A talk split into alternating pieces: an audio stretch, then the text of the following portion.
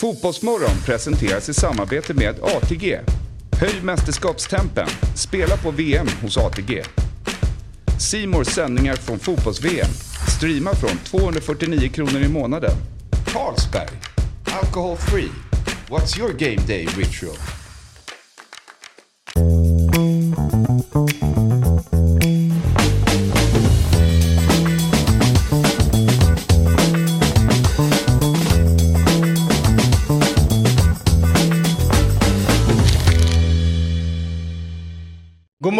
Äntligen måndag. Vilken härlig dag och vilket härligt väder för alla er vintersportmuppar. Det är ju fullt med snö på backen och på taken.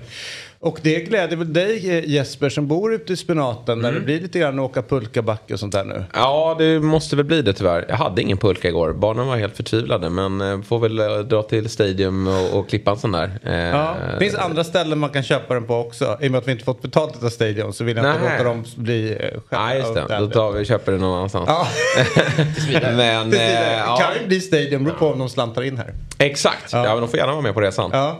Eh, men kul ändå att du eh, eh, får uppleva snö. Eh, och eh, Robin, snabbt välkommen till dig också. Trivs tack. du när det är eh, vitt eh, på, ba- på backen? Ja, jag är en pulsare. Du är det? Ja, verkligen. Tjock sula. Ja. Alltså om det inte vore för att det är ett ganska stökigt land han befinner sig i så är jag ju alla dagar i veckan och två gånger på söda, eh, söndagen i ett liknande klimat som Olof Lund är i. Men jag väljer ju alltid landet Sverige före Qatar. Så här är ju lite grann utav mitt, eh, ja, det är mitt problem här i livet. Dilemma, ja. ja. precis, dilemma. Anledningen till att jag nämner Olof Lund är att han sitter eh, bright and early, han är pigg, Mm. han jobbar fan hårdast i branschen och nu är han där nere och ser till så att de här stackars Men det är eh, otroligt vad hårt han jobbar. Pyjamaskillarna då får... får Ja, men det- att vi, vi har ju ställt frågan några gånger om han vill gästa oss. Han tackar alltid ja. Ja, och det är inte vanligt i den här Ja. branschen. Det uppskattas enormt. Ah, Han Reinfeldt bör liksom ringa till Olof Lund Ja. och berätta hur man går i någon form av skola om man vill få ut budskap eller prata med Exakt. och sådana saker. Skitsamma, han är med oss eh, och vi svinglada för det. God morgon Olof Lund, hur är livet i Doha? Uh, ja, hur är det? Jo, eh, det är eh, väl OK dagen efter invigningen. Konstig invigningsmatch måste man väl ändå säga där publiken gick i andra halvlek. Och, ja, drömmen eh, som de har tagit hem nu eh, slutade ju ändå lite med ett antiklimax eh, får man ju säga. Men jag gillade någonstans att de drog, alltså det visade ändå att de någonstans brydde sig om sporten. Att det här betydde någonting och att de inte bara var där plastigt och, och dant. Ja, så kan man ju se det. Jag, jag vet inte riktigt varför de gick. Det kan ha varit att en del gick för trafiken. Jag tror tyvärr också att en del gick för att de eh, inte brydde sig. Man får, ju- det var ju Okej. inte så att... Eh, stod det 07 hade jag ju förstått det, men liksom 02 det är ändå möjligt. Ett mål hade ju kunnat skapa någonting. Eh, hur ofta kommer de ha en VM-premiär? Ah, jag måste säga att det var rätt förvånande och så fanns ju den där jag ska vara ärlig med att säga att det var inte så att jag var framme och pratade med den där klacken om ni la märke till den på tv som ju alla hade landslagströjor och hoppade och dansade i princip hela matchen. Det kändes inte som att eh, de... Eh, det känns som riggat på något sätt. Det var ju- Eh, och I den här världen kan man ju aldrig veta. Det var ju, det såg ut att vara väldigt många med gula tröjor också. Eh, Vad det, och då skrev jag i någon tråd till någon eh, polare att det var kul ändå att så många från Ecuador har tagit sig dit. Men då svarade han, nej men de där kanske är inköpta. Fick du någon uppfattning om eh, alla ecuadorianer, säger man det? Ja, det är helt rätt. Är de på plats? Var Ja, de på jag plats? fick ändå en känsla av att de var där, att det var riktigt. De, de höll ju tryck och de var ju kvar. jag såg även efter, efteråt. Samtidigt, i den här världen, det går inte att garantera någonting. Eh, men det, man, det som ändå var notabelt tycker jag var att eh, de flesta som jag upplevde som katarier hade ju den här vita traditionella klädesdräkten på sig. De hade ju verkligen inte några landslagströjor på sig som den eh, klacken bakom. Eh, ja. Samtidigt är det svårt. Jag, tyckte, jag tror ändå det var lite pinsamt för emiren och hans pappa som ju hade eh, Sheikh Tamim är ju den som är emir nu och Sheikh Hamad som ju kom dit. Eh, han fick faktiskt ett enormt jubel när han kom in med sin eh, krycka. Det är ju han som har skapat det moderna Qatar. Han avsatt sin pappa 95. Det är han som har haft visionen om det här med sporten och att ta hem ett stort mästerskap. Och när han nu fick liksom ta hem det jag tror ändå det är lite pinsamt att liksom landsmännen hellre drar i andra halvleken än sitter kvar. Eh. Och det visar också att pengar kan köpa väldigt mycket men det är svårt att konstruera ett landslag. Eh, Olof, du som har varit på rätt många mästerskap. Eh, hur, hur upplever du liksom att stämningen och, och liksom känslan är runt och i Qatar om du jämför med ja, Sydafrika som du är snarare runt i eller eh, ja, Brasilien och Ryssland och så vidare? Ja, det, är ju, det är ju lite mindre eh, om man bortser från att eh, hela stan är ju liksom eh, överbelamrad av budskap. Det är ju större än det har varit på något annat sätt. Sen är det klart att det finns ju en del fanzone och en del eh, ytor i Doha som är avspärrade. Där var det bra tryck när vi var nere och jobbade i, i lördags. Liksom. Men jag känner nog inte den VM-känslan. Sen får man också ha respekt för att eh, Doha och Qatar, det är liksom rätt segregerad stad. Det är rätt mycket att man är hemma. Eh, nu är det inte jättevarmt nu. Eh, det har varit runt eh, 28-30 grader. Men det, det, är ju liksom en stad som är konstruerad för att det är jävligt varmt stora delar av året. Vilket innebär att man är... Man ser inte folk på det sättet. Och jag vet att de hade ett stort fyrverkeri efter matchen igår. Men ah, jag tycker att matchen igår också ramades in av det var trafikkaos. Det tog flera timmar att ta sig dit. Jag tror att det gjorde kanske att en del också stack tidigt eh, för att eh, de ville inte sitta i den typen av telefon eller bilkö. Jag vet att vi tog, man måste ta speciella mediabussar eh, dit för att liksom eh, komma riktigt nära arenan. Och vi, åkte, vi åkte med den första så då tog det en timme. Men de som jag träffade lite norska och danska kollegor de satt i nästan tre timmar för de åkte dit senare. Jag vet Svenska Fotbollförbundet fastnade ju också. De skulle ju kommit långt tidigare. Eh, de kom väldigt sent. Då är ju de ändå VIP. Det finns i och för sig en kategori här i Qatar. Det finns skyltar till de som är V-VIP. Alltså very, very important person. Det är väl eh, Gianni Infantino och hans killar. Ja. Very, very important. Jävligt mäktigt. Det måste du nästan grotta ner i var liksom gränsen går. Hur långt ner kan man liksom... Hur långt ifrån Infantino kan man befinna sig innan vet, första veterytiker? Det borde bli VVV. Ja, VVV. Det... Alltså ändå någon jävligt viktig.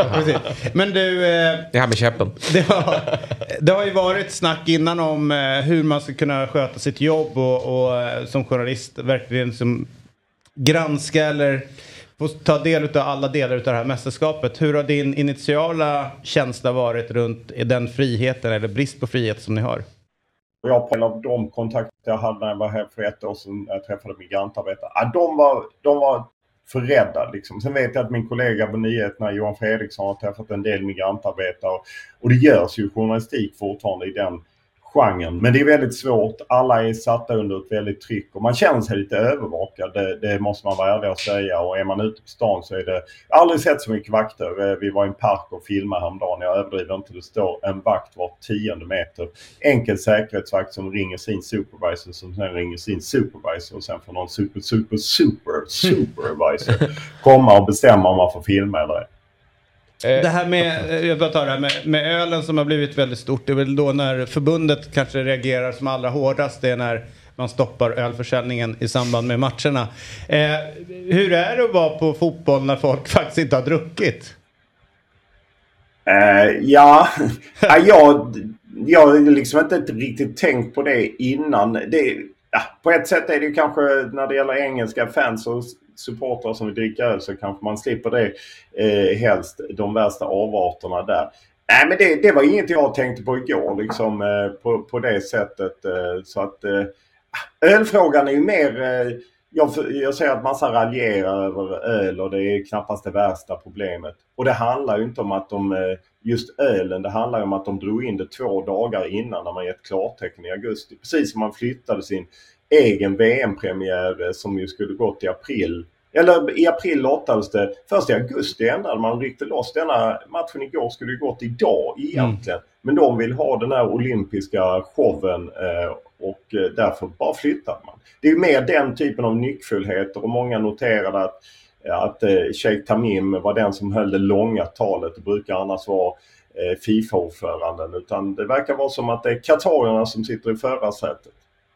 Du, jag hörde er i eh, er podd, eh, Fotbollskanalen Kontor, prata om att... Eh... Sorry, not now. Eh, det, det händer grejer här. Älskar det. Jag jagar dig. Super, super, du jagad.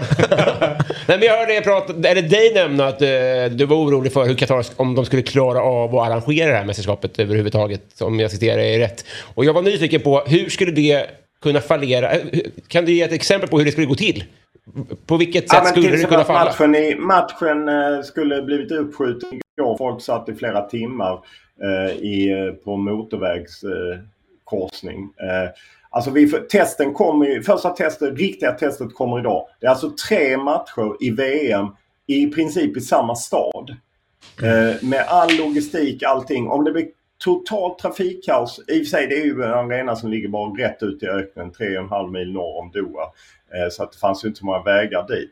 Men detta blir en test plus att det är konserter. Alltså, det är inte synd om oss journalister men bara som ett exempel på hur det inte fungerade. Alltså två och en halv timme före matchstart var all mat i presscentret slut. Det fanns inget vatten. Nu var det inte jättevarmt i, igår men eh, en timme före matchstart fanns det ingen vatten någonstans på arenan. Eh, Alltså jag gissar Infantino och de hade ju säkert vatten. Men eh, jag letade efter vatten för jag hade inget eh, vatten. Det fanns inget vatten på hela arenan. Det var slut.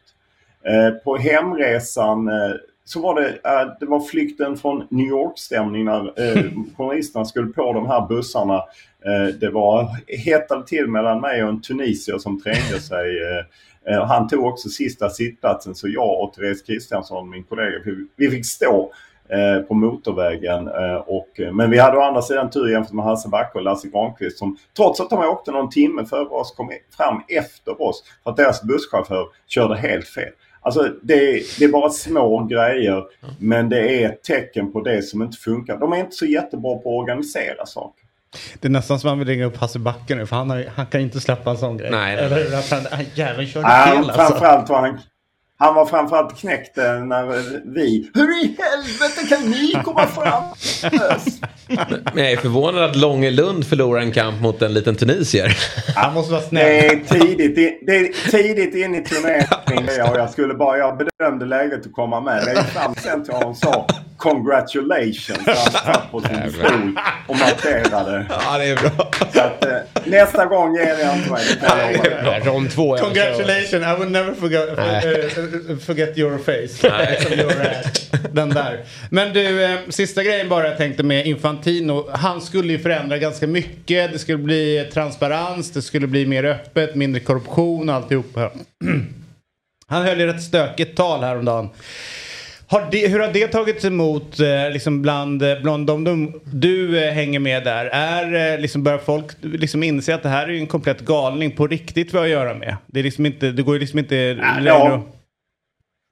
Man får säga att de som bevakar Fifa har ju tryckt på detta. Jag fattar att det inte når ut eh, eh, fullt ut. Men de som bevakar Fifa har ju lyft detta liksom hans... Eh, jag menar allt från medalj av Putin 2018 till att han flög på gas eh, privatjet till nu eh, Qatar Airways eh, privat och liksom bootleg. Så det är ju många sådana saker som har belysts eh, med Infantino styre. Men det här tog det ju till en helt annan nivå. Jag pratade med Tarek Panja på New Times i, igår när vi stod i någon kö som ju är den som kanske har bäst kontakter in i Fifa och, och den här världen av alla i hela, ja, av alla journalister. Och han, han sa att han hade liksom fått chockade reaktioner både inom Fifa men även inom, i Qatar. Liksom att man, eh, ja, men man var överraskad. Så att Infantino har ju men det är ju det att han sitter på en stor pengapåse som man kan dela ut till alla de här nationsförbunden. Plus att det är ju många länder i Afrika och Asien. De gillar ju inte Europa. Dels historiskt men också hur fotbollen kolonialiserar. Det är inte bara så att eh, europeiska klubbar åker ner och tar spelare och där man förädlar dem i Europa och säljer dem. Det gör ju även svenska klubbar. Då stannar ju inte pengarna i, i länder i Afrika. Och på samma sätt så är det ju så att Premier League, Champions League tar ju de största rättighets... Eller tar största delen av rättighetskakan. Precis som ni gör i Sverige så gör ni det runt om i världen. Det innebär att det blir mindre fotboll till den mindre pengar till den lokala fotbollen. Så att det finns ju en kolonialism i hur Europas fotbollsklubbar agerar. Och det ogillar folk ute i resten av världen. Och då kommer Infantino med en stor pengapåse. Så det är inte konstigt att han har stort stöd. Nej. Hör du, eh, låt oss hålla kontakten under eh, mästerskapet. Eh, idag kliver ju England in. Eh, eh, jag brukar alltid säga att mästerskapet börjar ju när England kliver in i det. Så man får väl säga att idag börjar... Men akta dig nu, Akta dig nu David. Eh, det är väldigt noga vem man får stötta och inte och beroende på om man är riktig engelsk supporter. Du vet, det är lätt att bli anklagad för att vara fake eller inhyrd. Ja. håll inte på några lag nu. Nej, nej, nej, men jag är inte på plats där nere så att det är helt okej. Det- Om jag varit där nere hade folk Ja, helt neutral. Men här hemma så kan jag ändå sitta med min tröja där det står eh, Real English fan It's from coming Sweden. home. It's coming home. så nu går jag runt här Ja, och härligt. sjunger. Ja. Härligt. Eh, tack för den här morgonen Olof. Bra jobbat Tack, där nere. Eh, Ja, och, vi krigar på. ja, gör det. Gör det. Hej, hej. Hej. Fotbollsmorgon är sponsrade av eh, Carlsberg Alkoholfri och eh, förutom det är de även sponsorer till både det svenska herrlandslaget och det svenska damlandslaget. Och om vi börjar med herrarna, Jalkemo. Det kändes ju väldigt trist att eh, Sverige missade mästerskapet i år. Eh, men det kanske också är ett bra tillfälle att bygga om laget för Janne inför 2023. Ja, det finns otroligt många spännande unga spelare som är på väg nu, upp nu. Framförallt offensivt där det kommer fram nya talanger på löpande band. Kan det bara fyllas på med fler bra spelare även om bakre leden. Vi har Isakien och Emil Holm som exempel nu som, som gjorde det bra i landskamperna. Så finns det en bra chans att landslaget kommer igen med bra resultat under EM-kvalet som startar nästa år. Mm. Det blir spännande att följa. Och om vi går över till damsidan så känns ju det svenska damlandslaget mer färdigt får man säga. Det finns flera etablerade stjärnor i bra åldrar. Ja, och där kommer ett stort mästerskap in nästa år också som spelas i Ny- Nya Zeeland och Australien och förhoppningsvis kan laget förbättra semifinalplatsen från EM i somras. Det vore ju faktiskt otroligt kul om den, om den här gyllene generationen med Asllani, Rolfö och Caroline Seger i spetsen äntligen får lyfta en pokal, för det, det förtjänar de. De har byggt ihop det där. Ja, mm. ja verkligen. Tack till eh, Carlsberg Alkoholfri för att ni sponsrar vårt herr och damlandslag och nu även är med som sponsor till Fotbollsmorgon. Ja, vad tänker ni? Vad säger ni? Vad, hur, hur har er, om man tänker så här, hur har er VM-puls varit de här första, första dagen? Nej men det är väl klart att det inte är som vanligt. Det är ju bara att titta ut.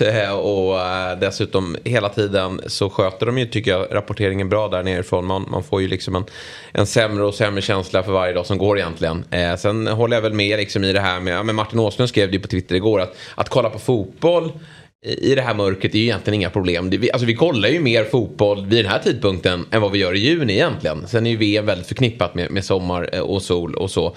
Men det är ju mest att liksom, turneringen är ju där den inte ska vara. Och eh, utöver allt det vidriga som de sysslar med där nere så är det ju heller inget fotbollsland. Eh, vilket ju han, vilket Olof verkligen rapporterar kring här då, med allt kaos runt omkring. Så att, nej, ja, det är inte jättemycket VM-pepp. Samtidigt måste jag erkänna att jag är taggad på de matcher som ska spelas här nu i veckan. Vad tänker du Robin? Du som är så, alltid har någon, någon spännande eh, liksom, eh, take på grejerna här i livet. Ja, jag vill nog låta det gå ett tag innan jag bestämmer mig. Men än så länge så, att bara, bara lyssna på mig själv. Så känner jag kanske 8% av vad jag hade gjort om det hade varit i, eh, vad vet jag, i Uruguay på sommaren. Och vad som är vad eh, vet jag inte. Men det, jag fejkar inte ett ointresse. Det gör jag verkligen inte. Nej. Jag försöker ju borra in huvudet och det är... Ja. Jag tycker att det märks, alla som säger att, ja, men, att allting bara rullar på. Jag tycker det är oerhört stor skillnad och inte bara i min egen känsla kring VM utan om man ser liksom själva VM-pulsen och VM-fokuset och laddningen. Tänk att eh, när det var Brasilien-VM eller något liknande, det var ju liksom det var sån jäkla laddning och taggning över att VM skulle vara och det var ju både annonsörer och sändande bolag och alla gjorde liksom extra extra, nu ska vi köra på. Upplevde att det var jävligt stort tryck också inför 18 när det var där.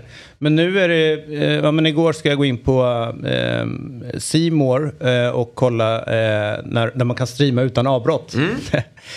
Eh, Men även där på deras startsida så var det liksom inte att det är VM, världens största evenemang som är igång. Utan det, då låg den här eh, liksom matchen som en vanlig du vet, under livesändningar. Det var liksom inget, de sto, slog inte på stora trumman på det sättet.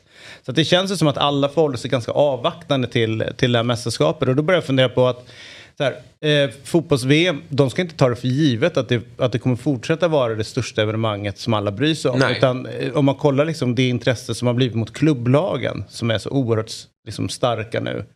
Så kan ju liksom bli om klubblags-VM börjar bli en st- större och starkare grej om de börjar köra igenom den. Eh, eller Uefa Champions League som är jättestort och så vidare. Att folk, om det går för långt med det här, om det blir för många sådana här VM-turneringar där man känner att ah, det här det stämmer inte. Det skaver för mycket. Att de Ja. tappar int- intresset. För jag känner det- jättestor skillnad mot VM. Tidigare har det varit för mig liksom det största. I och med att man Mm. växte upp med det. Och det var tydligt präglat över ehm, ja, men den fotbollen, det mästerskapet och allt som har hänt genom åren. Ja men verkligen så. Och det känns som att de kanske har råd med ett snedsteg av det vi ser nu då. Men att man inte återgår till det normala. Att det här kan verkligen slå mot... Eh, det är ju, jag vill ändå uppleva att det, det är liksom de som verkligen brinner för fotbolls-VM tidigare ger det här en chans trots det som sker vid sidan av. Men jag tror att eh, man kommer tappa väldigt många utav dem om, om de här galenskaperna fortsätter. Och vi får väl se här då när VM 2030 ska delas ut vilka som får, får dela på det. Eh, det finns ju ett annat vidigt land som är med i, i, i leken där, Saudiarabien. Ja. Så kan Eh, man väl säga, jag tänker att eh, vilka lag det var också. Alltså, Jag tror inte någon Nej. svensk har någon relation till något av de här lagen. Det måste ju vara rekord i svårt att investera känslor Verkligen. i eh, Qatar och Ecuador. Hade det varit någon, alltså hade det varit Danmark eller Senegal eller någonting som har en relation till på något sätt. Men som fotbollsnationer så är var det, tror jag det var kämpigt för många att... Eh, Det var väl Ryssland, Saudiarabien senast. Just det, Eh, ja, det- Den var ju inte heller eh, klockren. Men eh, det här var nog ännu värre faktiskt. Och eh, det, eh, ja, det var ju en, eh, en märklig match också måste sägas. eh, Med tanke på kvaliteten på, på, det ena laget. Ja, men så att säga, Ryssland känner man ändå där att de har ju en fotbollstradition. Ja. Eh, de har varit i VM, Ja, ja, nej, Mm. EM-final 88. Eh, alltså det, det, fanns någonting för oss att haka upp det, den matchen på. Och en idrottsnation, verkligen. Och en idrottsnation där vi ändå har ett stort utbyte med. Så Ja. det är klart det fanns ett intresse. Jag tror ju att det hade funnits ett int- intresse runt den här matchen om mästerskapet hade tilldelats på ett ett helt annorlunda sätt. Och att om landet hade varit lite mer... Eh, Ja men eh, inte så jävla eh, fuckat. Eh, att det har varit ett, eh, ett styre som, har varit, som man hade kunnat köpt. Om det har varit, eh, ja, men, att man har haft sina fri och rättigheter. Då har man kanske varit nyfiken på Qatar. Hur har de lyckats med det här bygget under så här många år? Eh, var står de någonstans nu? Nu, nu finns liksom inte det intresset. Eh, runt när det var Sydkorea, Japan, när Sydkorea hade Verheyen och jobbade upp det sydkoreanska landslaget under de åren som var upp, upp till Sydkorea och Japan. Så pratar man ju sen ganska mycket om hur de hade tränat, hur de har byggt det, hur de har jobbat. Så här. Det, det är ju ingenting runt Qatar. Mm. Alltså, vi- visst, de har fått spela lite matcher, men man vet inte så jävla mycket. För att man inte, liksom, man inte orkat, eller journalistiken har inte orkat eller brytt sig om att investera så mycket kraft i, i lagen. Alltså, man har inte byggt matcherna på det sätt som det varit tidigare. Med all rätt. Jag vill tro att du har rätt och det är nog en del av det. Men jag tror, eller om, min känsla är att det är bristen på adventskänsla. Att det gick direkt från säsong. Att det inte var något Mm. uppehåll emellan. Att det var som att spelare fortfarande är svettiga från eh, Ja. ligan. Då, då hinner man inte bygga upp någonting. Det Nej. var ju eh, väldigt kort emellan av naturliga skäl. Du har helt rätt i det. Att, det, att det, det small på att man inte får den här nedräkningen som det är. Det är ju inget Halmstadlägre. Ham, Halmstadlägret är ju viktigt för en uppladdning. Det är Ja, ja. viktigt att se de andra trupperna och sådana saker.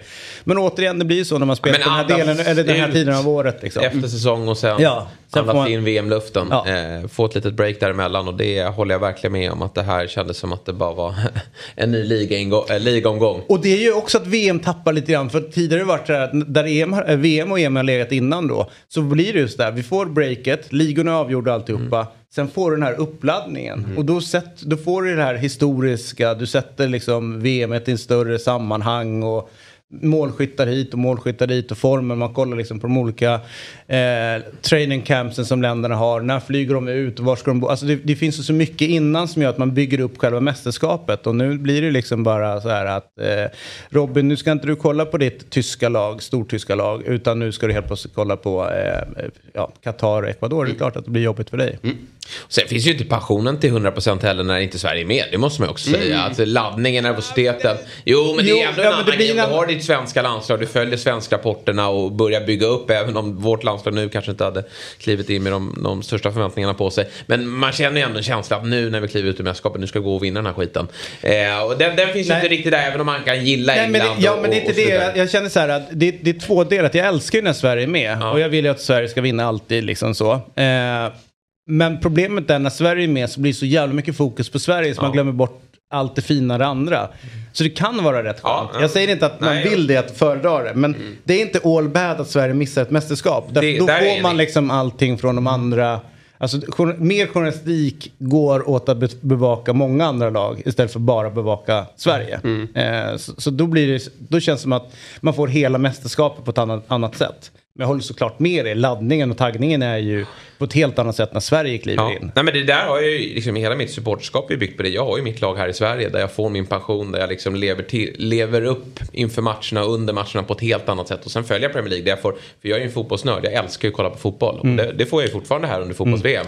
Även om taggningen inte är vad den hade varit om det hade spelats i ett, i ett korrekt land eh, under sommaren. Eh, det börjar ju bli mörkare och mörkare. Vi går emot den, eh, den mörkaste av årstider nu. Egentligen är det bara en Robin Berglund som kan leva upp i detta bistra klimat. Eh, men för att hjälpa er på traven så har vi ett erbjudande från Dobb-TV. Vi kallar det för Black Week. Just nu får du tillgång till alla Dobbs program för ynka 499 kronor. Ord- ordinarie pris är 599 kronor för ett årskort. Du får resterande 2022 och hela 2023. Och du får tillgång till allt, nytt som gammalt. Det är en superdeal. Och eh, när, man, när jag ser år, eh, ordet superdeal då tänker jag på Anders Nettelbatt. Det är en grej som han säger, skulle kunna säga väldigt mycket, eller hur? Superdeal. Det här är inte bara bra, det här är en superdeal. Ja, nej, det är fantastiskt. Och för, eh, många har ju säkert följt våra program på Dobb-TV. Men jag tror att de som inte har gjort det och tycker att vi, det här är bra. Eh, så tror jag att de skulle gilla det vi, vi eh, gör även på Dobb-TV. Så ta, ta rygg på det här. Vi kommer köra Eurotalk som vanligt där borta på Dobb-TV. TV Fantasy tisdagar och fredagar. 08 Fotboll, nysatsning på den till nästa säsong. Ja. Eh, kommer smälla så ställa till. Och Quizaleta. Så in på dobb.tv eh, snedstreck subscribe. Eller gå bara in där så kan du säkert hitta den länken. Kanske överraska en vän eller eh, en flickvän, pojkvän. Vad det nu kan vara. Farsan, morsan eller lillsyrran.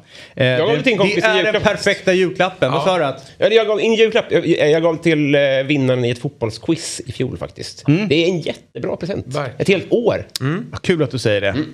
Eh, innan vi går vidare så vill jag också eh, säga så här. Grattis Robin Berglund. Eh, din bok Ja. Eh, eh, som du körde en, en, eh, liten Kickstarter Ja. på skulle ju uppnå en viss summa. Gjorde ju det nu. Ja. Så nu kör vi. Nu är det go på boken. Är inte det kul? Jo. Oj, Oj! nu korkar vi upp. Nej, Ja, men- då verkar vi upp. Oj, Oj, oj, oj, oj. Välkomna Nej, in men- i Ja. redaktionen. Nämen, nämen. Jag vill verkligen tacka. Jag vill, framförallt, jag vill eh, dels tacka, men framförallt be om ursäkt för all tid och eh, gnäll jag har tagit. Så Nej, nu, nu Oj, oj, oj. slutar vi klaga. Och du vet att jag är väldigt dålig på att dricka på morgonen. Ja, och jag kör bil, men ja, det nej, nej, nej. Det, det, Jo, det, det gör jag ju. Ja, fast det där har gått ur kroppen innan vi går och är härifrån. Så det är inga konstigheter. Ja, nej men det här kom ju som en jäkla överraskning. Eh, Tack snälla. Medan du öppnar det där eh, så kan jag säga, vi har ju startat en, en grej då eh, här på Dobb. Eh, ja, vi började störa oss lite grann på mästerskapet och vad vi kan göra och sådär. Så då eh, har vi startat en, eh, en insamling eh, till Amnesty och mänsk- för mänskliga rättigheter. Eh, så under hela fotbolls-VM kommer insamlingen vara aktiv och målet ligger just nu på 10 000 kronor. Och vi ska liksom vi ska fått in det innan eh, mästerskapet är, är över. Och om vi fått in det innan så höjer vi målet hela tiden. Ja. Eh, så att eh, vi... Eh, vi gör den grejen. Eh, ska vi, vi, vi har fått en hälsning också. Vi, vi kollar den snabbt. Eh, Vi har fått en hälsning. Och sen så ska vi skåla här för Robins framgång i Kickstarter. Eh, kolla här. Ja, just. Ja, till, är det till oss? Ja, men vad snällt. Vad snällt. Vi har fått en hälsning. Vet du vad det är för något? ingen aning. Det är säkert någon jävel som hånar mig. Vi håller i oss. Hallå David, Jesper och Robin. Det här är som ni kanske ser Magnus Hedman. Eh, Jag har hört att ni har lite åsikter om eh, min tatuering. Eh, Jag har hört att ni inte delar åsikten om att den är briljant. Då tänker jag så här att har ni verkligen träffat kvinnan i ert liv? Det är nummer ett. Är ni trygga i er själva, i ert beslut? Det är nummer två. Eller är det så att ni är singlar och lite avundsjuka? Vi kollar här, jag ska se om vi kan få se på... Det är ju liksom, har man bestämt sig så är det ju en del av en själv. Och eh, skulle det mot förmodan ta slut så har hon ändå gett mig många fina år och eh, lärt mig väldigt mycket i livet. Vilket gör att hon har alltid en plats eh, i hjärtat såklart, men i det här fallet då på armen. Så jag skulle nog säga att eh, ni får tänka till guys. Har ni träffat någon som ni vågar sätta på kroppen? Om inte så har ni en härlig resa kvar. Kör hårt, heja Gnaget! Det där var underbart. Gud, Ja. det där var stort. Ja, men som man växer i ens ögon. Ja, det gör att man kan göra det där med lite glimten i ögat och eh, nej, det är bara att gå och boka tid. Ja, det, Så är det ju. ja, alltså jag, jag kan svara ja på de två första frågorna, nej på Ja. den sista. Så att, Ja, men, nej, men det är ju samma här. Men, men, men eh, sen har jag som, liksom gjort en grej att den här kroppen ska vara otaggad. Mm. Jag ska inte ha någonting. När, liksom, sen, när de let- letar upp folk framöver så kommer de se alla jävla har något jävla bläck på sig. Men så är det en.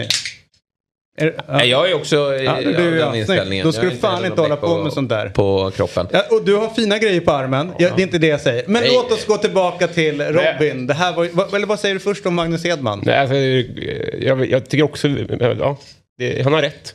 Och eh, min fru heter hon inte, utan min tjej får hacka i sig att jag kommer att ha Karin Ahl på armen resten av mitt liv. Ja. Om jag ska tatuera mig nästa gång så kommer det bli hennes nu när jag har varit på... Ja, det vore alltså. Vad kul om vi svarar upp med det. fan vad roligt om man hijackar henne Ja, precis från. Edman. Men Du hade rätt. Men Magnus jag har kvinnan i mitt liv. Ja exakt, nu är hon här igen.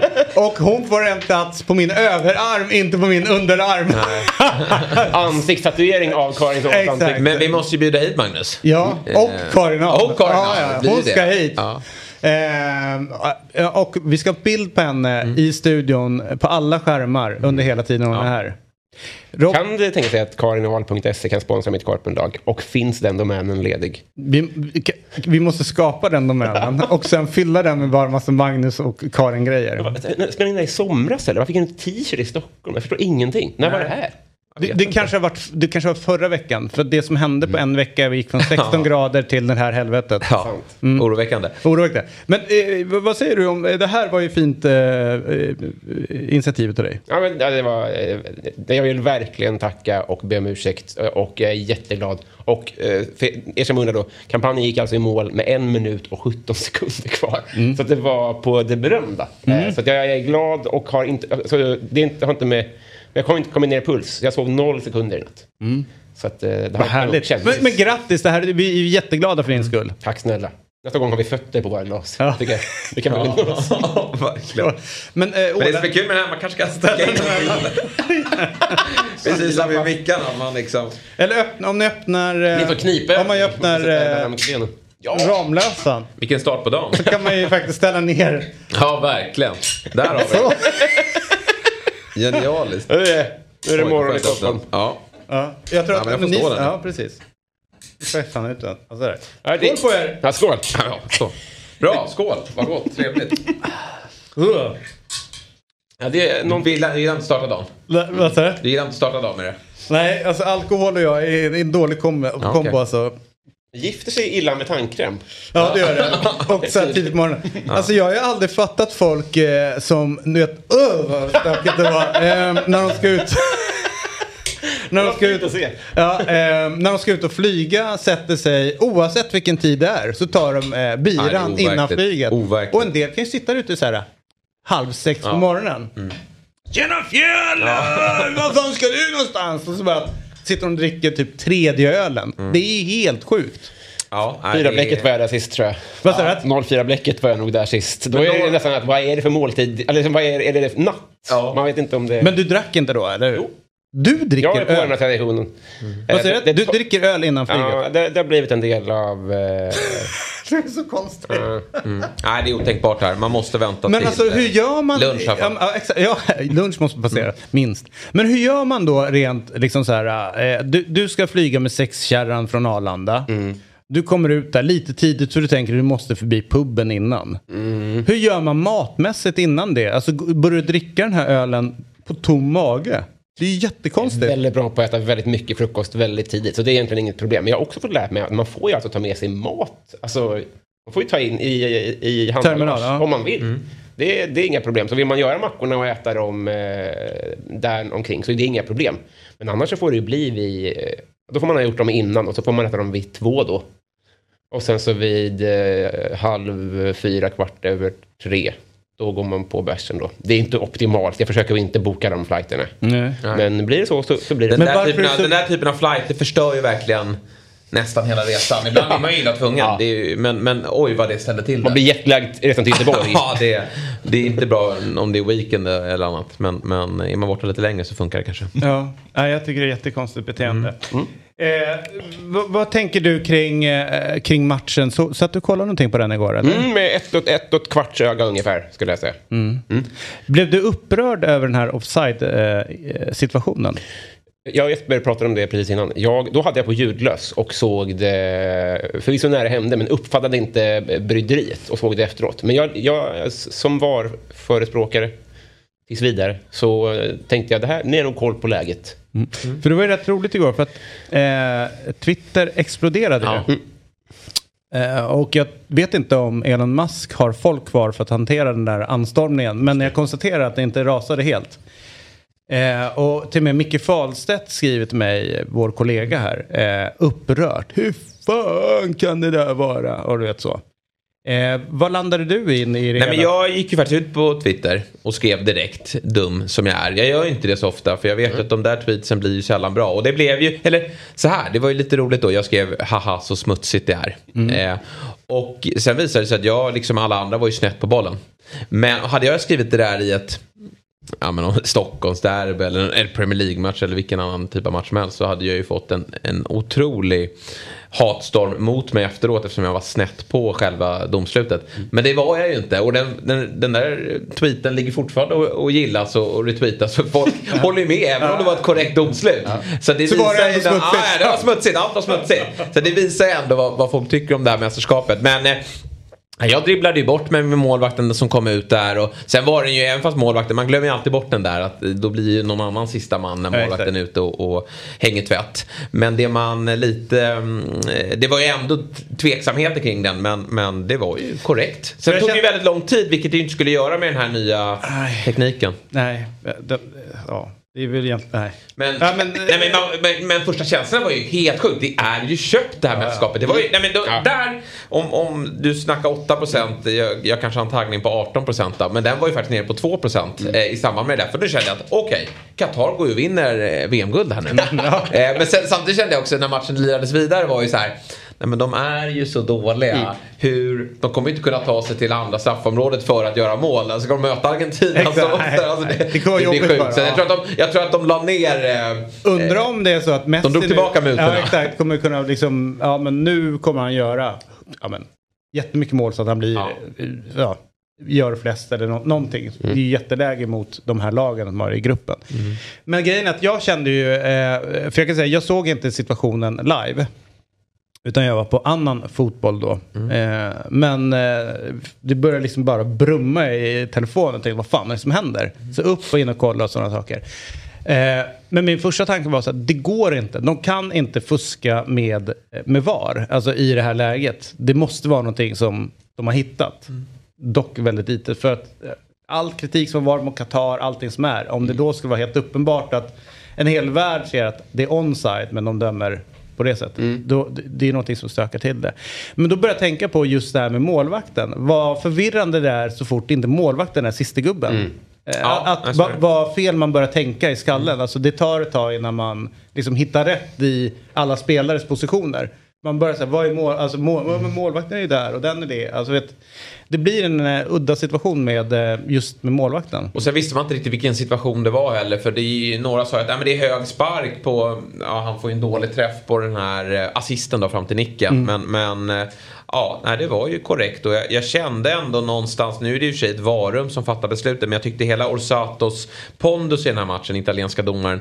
Att det var liksom, den där gubben, han, han, han är inte köpt. Eh, var min känsla ändå. Att han, han, han klev in 100% professionellt i den här matchen. Och det var ju skönt. Att det kom en straff eh, därefter också som, som ju var korrekt. Men ja, det var några kaotiska minuter där där man kände att nu, nu eh, om inte mästerskapet var dött innan så, så dog den. Eh, Då, där och då. Så- Men eh, ja. Nej, men jag tyckte att eh, det, det kom ju obekräftade uppgifter om att Ecuador då hade blivit erbjudna pengar för att lägga sig. Undrar om det föll på att de kände så här, så bra skådisar är vi inte. Nej, nej. Hur, hur ska det gå till? Ska vi, ska vi göra självmål? Alltså, du vet, som du säger, de var inte över halva. Det var, så, det var sån klasskillnad. Det var så jävla Nej, och, och det var ju nästan Ecuador eh, vet jag inte vad, vet ju inte vad vi har dem. Nej, nej. Presta, Jag säger ju ingenting. Kvalitativt, nej. alltså för att de, de, vi får väl se här nu då mot, eh, det är väl Nederländerna härnäst va, för, för deras del. Är det de de har som... Ja, eh, i nästa grupp, Ja. i nästa match. Och sen så avslutar de mot Senegal. Men det kändes ju som att ett lite mer kompetent offensivt lag hade ju straffat Ecuador betydligt, eller bättre Qatar betydligt mer. Ja, exakt, exakt. Alltså, det kan bli sådana siffror här. Enner Ja, Valencia, vad tänker ni om honom? Ja men eh, kul och häftigt. Jag tycker att han, han visar ju upp. Jag har ju sett honom del när han var i, i West Ham. Men då var han väl inte riktigt på den nivån eh, som vi såg igår. Men det säger ju en del ändå. Alltså där skickar du in en offensivt skicklig spelare. Och då straffar man ett sånt här lag. Eh, Jag tror ju att nu kommer han, vet du det, Qatar att möta Holland, de kommer att möta, jag, jag slänger lite mellan Holland och Nederländerna. Eh, och, och även Senegal då, förviss, eh, visserligen utan Sadio Mané men det finns annan offensiv kompetens där. Det, de bör kunna bli ganska ordentligt straffade. Och det man undrar då är ju hur det här laget har kunnat vinna. Att de vann asiatiska mästerskapen är ju väldigt märkligt. De slog alltså Japan i en final och Japan, det finns ju en del kvalitet i det laget så det är, det är märkligt. Men det var väl dit pengarna gick. Ja. Eh, det, var- det, var, slut. Urladdningen var där? Ja. Eh, ja men exakt. Hörru du, eh, vi, vi lämnar den matchen lite som hastigast och går vidare på andra headlines. Eh, vi har ju haft kontakt med Östersunds eh, FK och, och liksom lite grann hur det går för dem att få in sina 10 miljoner. Och, och sista dagen är idag. Eh, och eh, vi smsade ordföranden Tom Prips igår. Eh, som vi ringde upp förra veckan för att höra hur det går med insamlingen. Men vi fick svaret, har ingen nytt att komma med. Och på frågan om de kommer spela Super nästa, nästa år Ja, fick du vi har ju svaret. hela, för de som kollar nu då så Exakt. ser ju de sms-historiken här. Men Eh, inte de som lyssnar. Nej, bra. precis. Eh, men snälla, fråga licensnämnden och inte mig. Det är eh, där det landade. Så att egentligen borde man ju kolla med licensnämnden. Men väldigt offensivt eh, svar från Ja, dem. du tar ju inte med allt där i, när du läser upp det då. Men, men eh, vår redaktör Otto han får ju lite eh, utskällningar här också. Det ska sägas. Eh, ordna med din eh, message. För att han hävdar ju då, Tom Pripp här, att eh, det är... Otto raderar historik. Otto har raderat historiken men det gör man väl på sin egna telefon. Ja. Det är väl inget man kan göra på någon annan. Nej, nej. Det hade varit- jag hoppas att man inte kan Det, göra det hade varit bra i och för sig. Skriva en massa dumma saker och ta bort det där. Du går in och tar bort Nej, det tänkte jag inte. Då tar jag bort det Du åt kallade dig. mig för det här. Nej, det är redan borta så det kan du inte visa upp. Nej, jävligt bra. Eh, Så att, eh, ja. Tom eh, är offensiv. Jag vet och för sig Nu hur det känns när man fattat så mycket pengar med kort tid kvar. Så att, Rickard eh, Jonsson ja, eh, från licensnämnden då eh, textade Otto Mm. och eh, igår kväll fick då ett svar. Vi kommenterar inte enskilda klubbars licensärenden. Vi är fortfarande i processen vad gäller licensarbetet. Angående din fråga får jag hänvisa till klubben i annat fall får du avvakta licensnämndens arbete och beslut som kommer att kommuniceras i slutet av november, början på december på SVFFs hemsida. Vänlig häls- hälsning Rickard Jonsson, ordförande licensnämnden. Så att de kör ju, eh, de kör ju eh, någon form av eh, tillbakakaka på oss. De kastar oss mellan båda två. Eh, en av dem bör ju veta hur det ligger till. Eller kanske båda. Men, Men här- ingen vill berätta det. ja.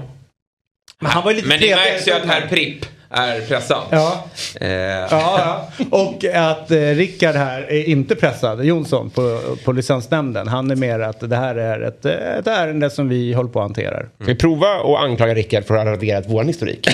att vi bara skickar vidare den bollen också. Ja, just det. Vi- Vi har inte ställt någon fråga. Vad fan, var det? Vad fan skriver du till oss för? Jävla idiot. kan ta din jävla nämnd och dra åt helvete. Vi är inte ens intresserade hur det går Vad pratar du om? Ja. Jag sover. Och sen nästa grej är lite upprört nu vid middagstid. Hör din jävel, varför har du varit inne och raderat mina meddelanden? Ja, verkligen. vi ska dra igång någonting som vi inte behöver dra igång här. Det var Exakt. kul. Du, eh, 2021 anklagades Ebba Busch för att ha stulit sitt tal från Kamala Harris. Kommer du ihåg det? Nej. Svagt minne. Ja, eh, att eh, hon, eh, hon gjorde, ett, gjorde ett tal och så tänkte alla men det här var bra. Hon använde en viss teknik runt det hela men då visade det sig att det var gjort innan då.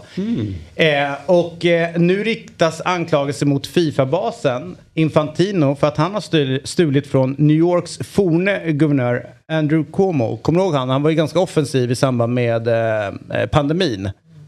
Jaha, nej. Även en referens som flyger mig över huvudet. Ja. Ja, det är för att du kanske inte hänger med i nyhetsflödet. Ja, det spelar nog in såklart. Nej, eh, det är jobbigt när man kör sådana här saker som alla borde ha koll på. Så sitter man med två stycken muppar. Ja, är eh, då är det alltid jobbigt. Men eh, då är frågan så här. Men då är, landar vi då i att Infantino skäl ifrån Ebba Busch blir ju då eh, nästa fråga. Jag ska se om ålänningen här hakar på. Hänger med. Ja, vi börjar med Andrews då. Kom igen. Min gode vän.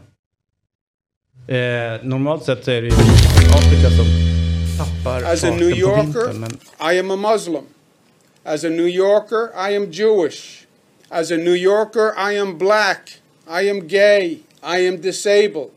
I am a woman seeking to control her health and her choices. Because as a New Yorker, we are one community.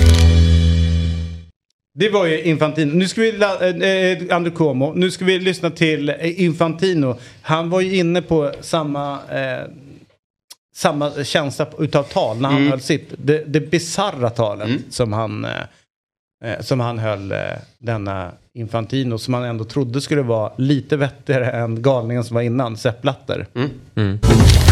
Nu ska vi lyssna här. Today I feel Arab. Today I feel African. Today I feel uh, gay. Today I feel disabled. Today I feel uh, a migrant worker. Eh, det här har det gått varvet runt. Det är ju helt galet det här.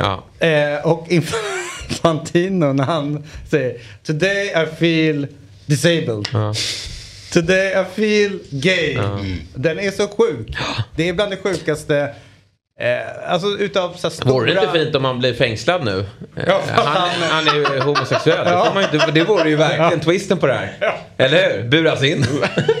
Kan vi från Fotbollsmorgon ringa och polisanmäla ja, alltså, Infantino? Du får inte vara homosexuell. Nej. Där nere. Där nere. Det vore jätteroligt. Kan vi sätta finnen, eller ålänningen på det? Ja, vi skickar Kanske. ner honom. Ja, eller bara ringa. Man måste kunna vara, nej, man men- måste ha en sån 112 Qatar. typ, eh, hello my name is Victor, I'm from Åland. Men, men att han också det med det uttalandet kliver ut och, och säger då att han är homosexuell samtidigt då som Harry Kanes. Det blir intressant att se vilken bindel Ja. han har på armen idag då. Den här One Love eh, bindeln då som förbjuds. Det är ju, det vill man ju, det vill ju, det ska ju vara följdfrågan till Infantino nu. Ja, eh, vad, vad, du var, du var Du homosexuell ja, du är, igår. eller du är ju, ja, Ja. precis. Igår var du homosexuell, Ja. men idag förbjuder du... Idag förbjuder du eh, det. Eller du kände dig homosexuell. Det är också så här, formuler- det, är så, det är så himla... Nu fattar jag att han är så mycket sämre på engelska. Men det är så en extrem skillnad mellan de här två. Han gör ju alla fel, verkligen. Ja. I den situation han sitter i också. Ehm, nej, det är så dåligt. Det är så Alltså, jag- klantigt. jag menar så här, Bara ur PR-synpunkt. Hur, hur tänker? Har han inget team?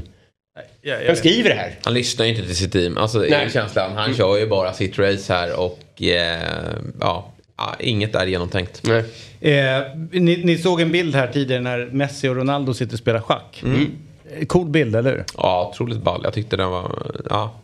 Det är coolt att få de två eh, i en sån här kampanj. Det vet jag att den där fotografen och Louis Vuitton har väl varit ute med... Eh, var igen inför VM 2010 med Zidane, Maradona och Pelé. Ja, det det är ett fotbollsspel. Ja, precis. Jag, tr- det var, jag vet i alla fall att det var den här kända fotografen som jag inte eh, kom, kommer ihåg namnet på. Men eh, han eller hon var med och fotade även den gången. Jag tror att det var Louis Vuitton. Här har ju dock den här bilden på, det är Valencia va? Som de har Ja, in i bakgrunden. Exakt, Ehm, och, nej men, men äh, mäktigt. Det är Eh, och Fenerbahce som har gått in vilken- och, och liksom styrt upp det ju. Ja. Ehm, där de, liksom, de tar grundbilden och sen så lägger de Precis, till en ja. Vadense. Men Men vilken genomslagskraft såklart bilden fick också. ja, jag sitter och funderar lite grann på hur fan de har hamnat och de har hamnat i själva Ja, schackspelet. det är många som Och, reagerade på eh, det. Ja, eh, jag fattar det. Var är de på väg? Och, Jag är ingen schackgubbe även om jag kan reglerna hyfsat. Så jag la väl inte märke till det men vad klantigt av dem att hålla på att... Men det, de vill väl ha det. Det kanske också var meningen.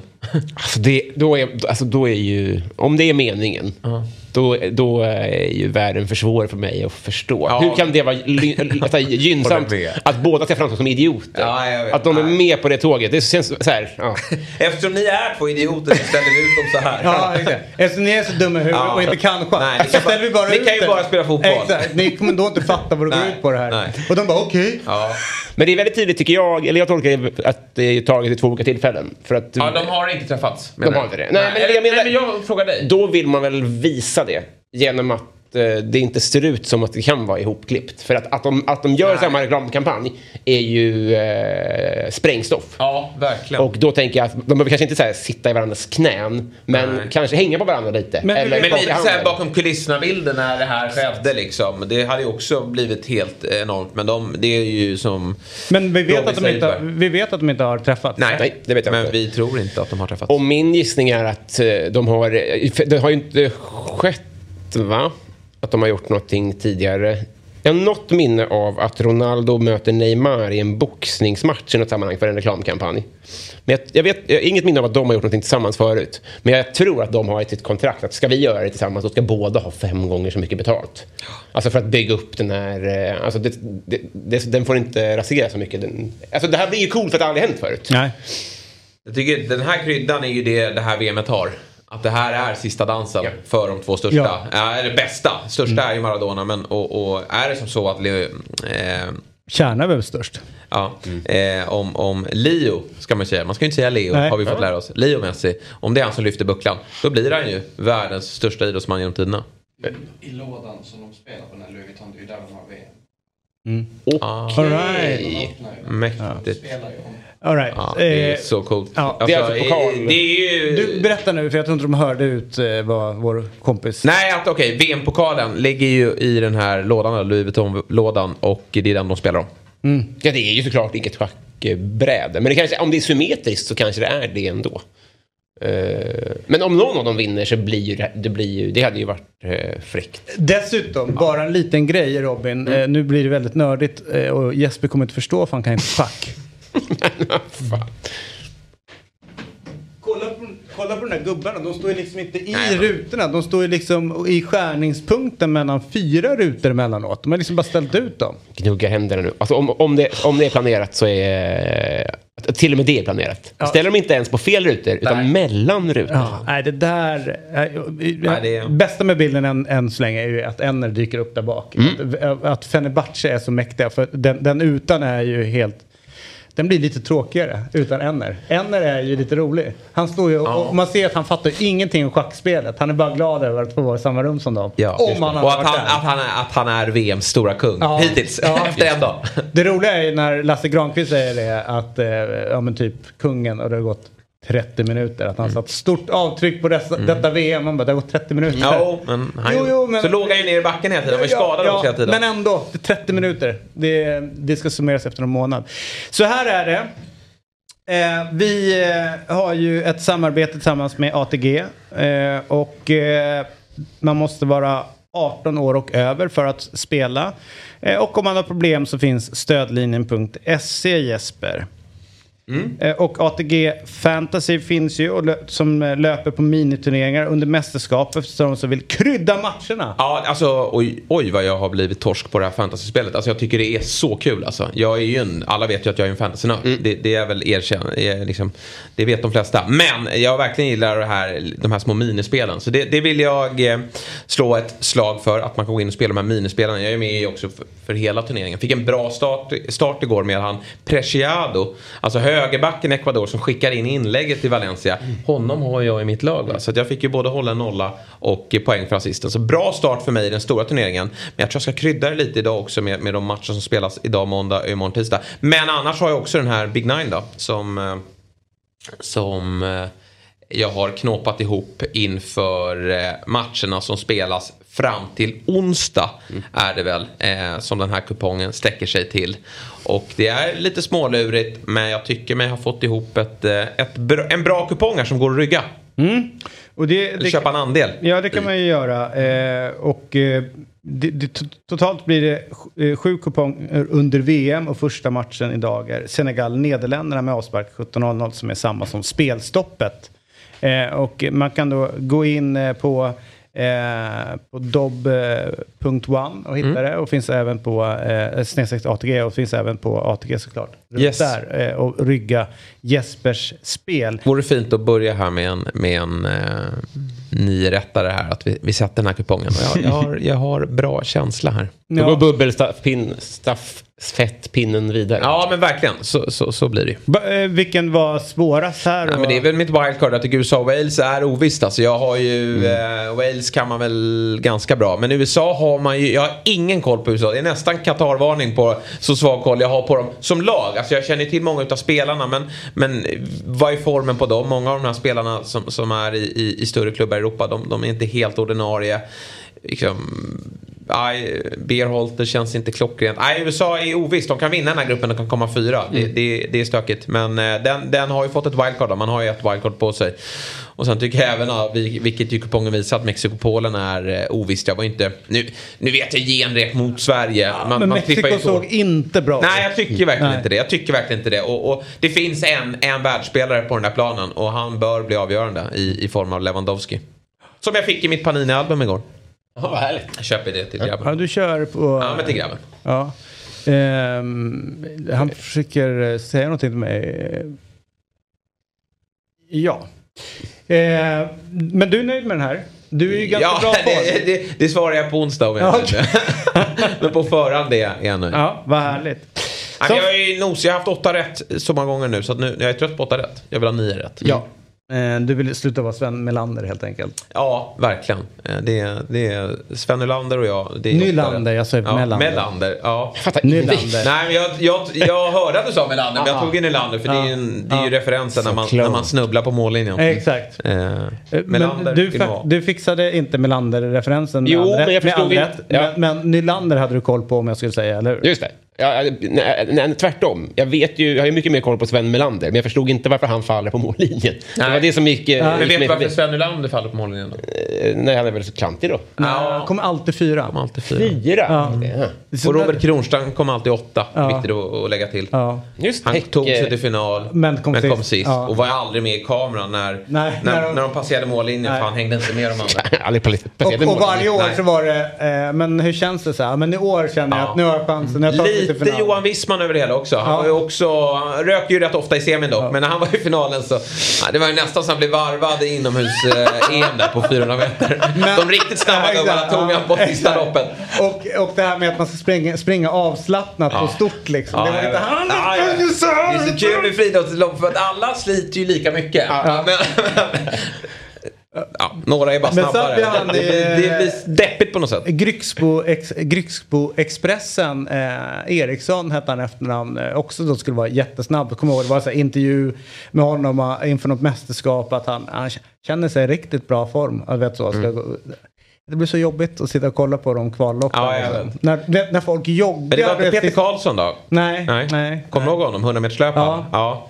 Som ju sprang, eh, han, han, vi har, han sprang under 10 sekunder en gång. Och det var ju orkan med Mm. Ja, ja, ja. alltså, det var, Men ju- ändå. Man behövde inte ens springa. Eh, Man tog sig under 10. Ja. Det var lite mycket vind, ja, ja, men ändå. Ja, det var ja, lite, men- det var ja, lite, verkligen. ja. Alltså, verkligen. Men han, Nej, han var men, det. ja, ja, att kunna säga att man har Jo, varit under men 10. alla vi andra var ju såhär, Ja. kom igen för fan. Ja. Min mormor hade fixat det liksom. Vi Ja. bara ställde ut henne på banan där som hon blåste in det på 9,70. Ja. Men det var härligt. Då. Det var Det mäktigt. gått långsammare om man föll 100 meter. Ja, Ja, exakt. Härligt! Eh, vi är alldeles strax tillbaka med bland annat eh, Samuel Brolin, John Alvbåge, Eja Fyodorov och eh, mer om matcherna framöver. Och att eh, du ska gå tidigare idag Jesper, så tack för idag. tack. Vi på Fotbollsmorgon är sponsrade av Simor. Fotbolls-VM startar 20 november och på Simor kan du streama fotbolls-VM utan avbrott där finalen spelas söndagen den 18 december. Blir det Brasilien som vinner i år? Nej, det tror inte jag. Jag tror att Spanien blir livsfarliga. Och jag tror på Brasilien. Du gör det alltså? Ja. Förutom fotbolls-VM finns det massor av övrigt på Simor. Bland annat NFL, NBA, SHL-ishockey som pågår under hela VM. Dessutom ingår Uefa Champions League i paketet där slutspelet drar igång den 14 februari. Allsvenskan är en bit bort, men den ingår också i pluspaketet från 249 kronor per månad. Och förutom sport på Simor så finns ju givetvis min favorit Robinson att titta på. Men vi vill även lyfta fram serier som Nattryttarna med Jonas Karlsson, Yellowstone säsong 4 med Kevin Costner och den nya serien Vuxna människor. Dessutom så har vi ju en ny Beck-film på gång här då. Premiär på juldagen. Allt detta får ni från 249 kronor per månad hos Simor. Tack Simor som är med och sponsrar Fotbollsmorgon.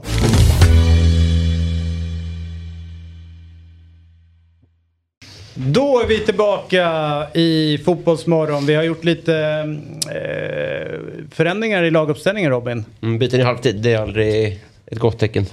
Kanske. När man har haft en svag första halvlek då ryker man. eh, vi välkomnar in Fabian Ahlstrand. Tack. Min eh, ofrivillige vän och sidekick. Hur mår du? Bra. Eh, hur, hur har helgen varit? Den har varit bra. Den har varit lugn. Är du taggad att fotbolls-VM är igång? Är det samma taggning? Nej. Nej. Men det ska bli lite roligare idag med lite bättre matcher. Men jag var inte supertaggad igår. Var ni det eller? Nej. Nej. Inte alls. Nej, eh, den ni hörde sig inte alls med en mäktig stämma är ju Samuel Brolin. Välkommen hit. Målvakt, eh, tillhör AIK men har spelat i Mjällby de senaste två säsongerna och eh, gjort det väldigt bra. Eh, och berätta nu, vad är, vad är känslan kring fotbolls-VM? Ja, jag och Fabbe pratade om det på vägen hit att eh, den är väl inte Stämningen är inte riktigt där som det har varit eh, de tidigare gångerna i alla fall. Kändes som att det måste vara den sämsta VM-premiären på, eh, på länge. På förhand och det blev väl det också med facit hand.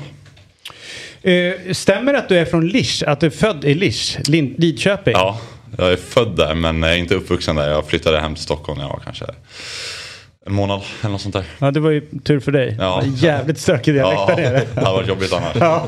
Ja, på så många sätt. Men har du någon, eh, för att eh, Li- Lidköping blev lite stort här.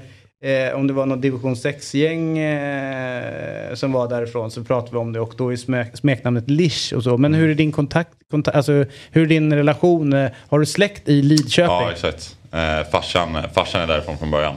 Så eh, farsans sida av släkten bor kvar i, i Lidköping och där, däromkring. Hur, hur har det varit att, eh, vi, jag tänkte vi ska prata lite grann om din, eh, din karriär. Du är ju, tillhör AIK, har liksom aldrig fått en ärlig chans i AIK.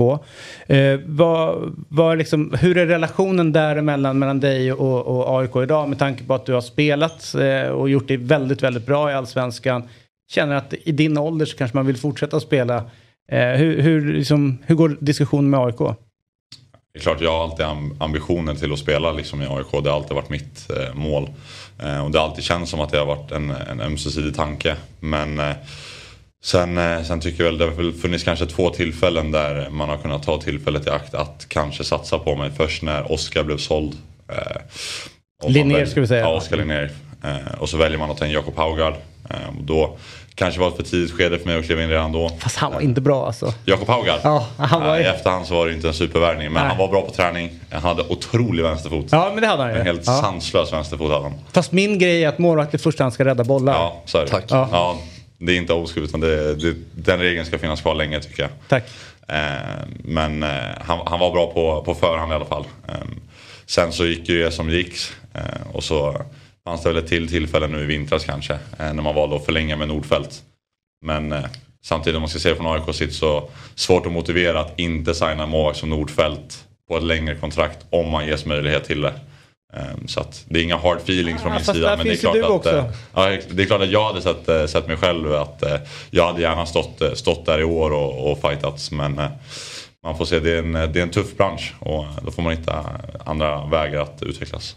Har du kommit fram till de här sakerna i efterhand? Eller har, är du så rationell i stunden också? Förstår du frågan? Ja, ja. Jag vill ju tro att jag är ganska rationell. Att Mm. jag liksom inte blir så, så hetlevrad och känner att eh, fan och sådär. Utan jag försöker liksom hålla mig sansad och bara glida med och, och göra det bästa av det. Mm. Eh, jag tror att man, eh, om man inte om man tar allting för hårt i, i denna värld så, eh, så är fotbollsvärlden en tuff värld. För Man Mm. kommer alltid ha motgångar så att det gäller att liksom handskas med dem på rätt sätt och bara växa av det. Rationell nog att ta bilen idag också.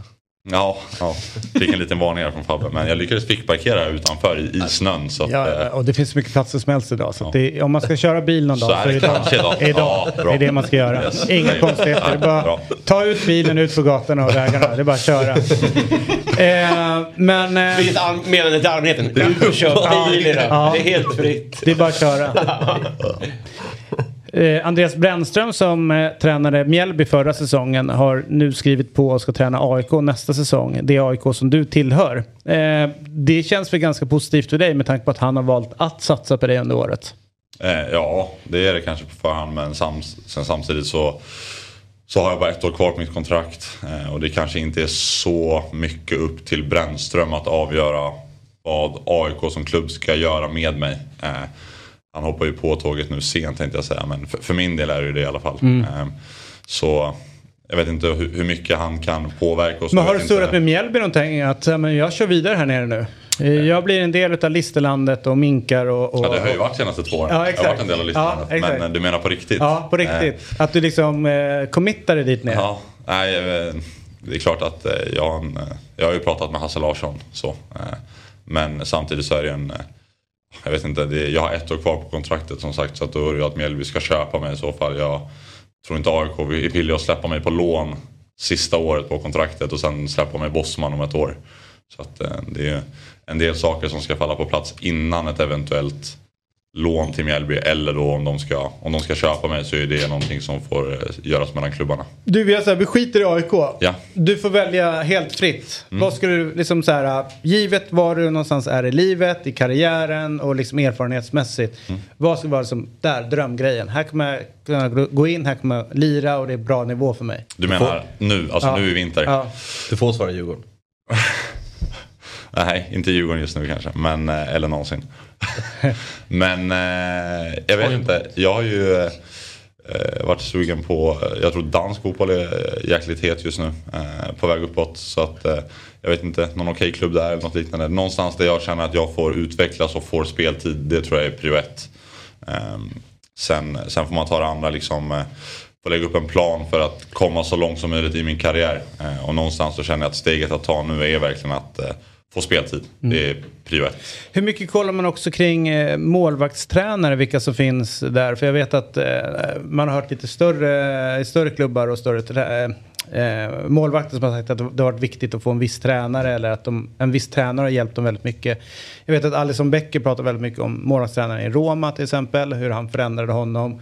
Robin Olsen pratade om honom också, att han, liksom, han var väldigt tydlig med hur han ville att hans målvakter skulle spela. Och det tog ett tag innan man liksom lyckades förändra sitt, sitt spel. Ja. Finns det någon sån tanke om när man väljer klubb som målvakt att vem är målvaktstränare? Vem kommer jag samarbeta med? Ja, det är, det är klart att det spelar in. Ehm, jag tycker generellt att man har ganska dåligt koll på, på målvaktstränare runt om. Jag kan liksom inte namnen i de olika klubbarna och sånt. Men eh, det är klart att, eh, att det spelar roll. Nu har jag varit i Mjällby i två år och haft två olika målvaktstränare och jag har haft Kenny i AIK, Kenny Stamatopoulos.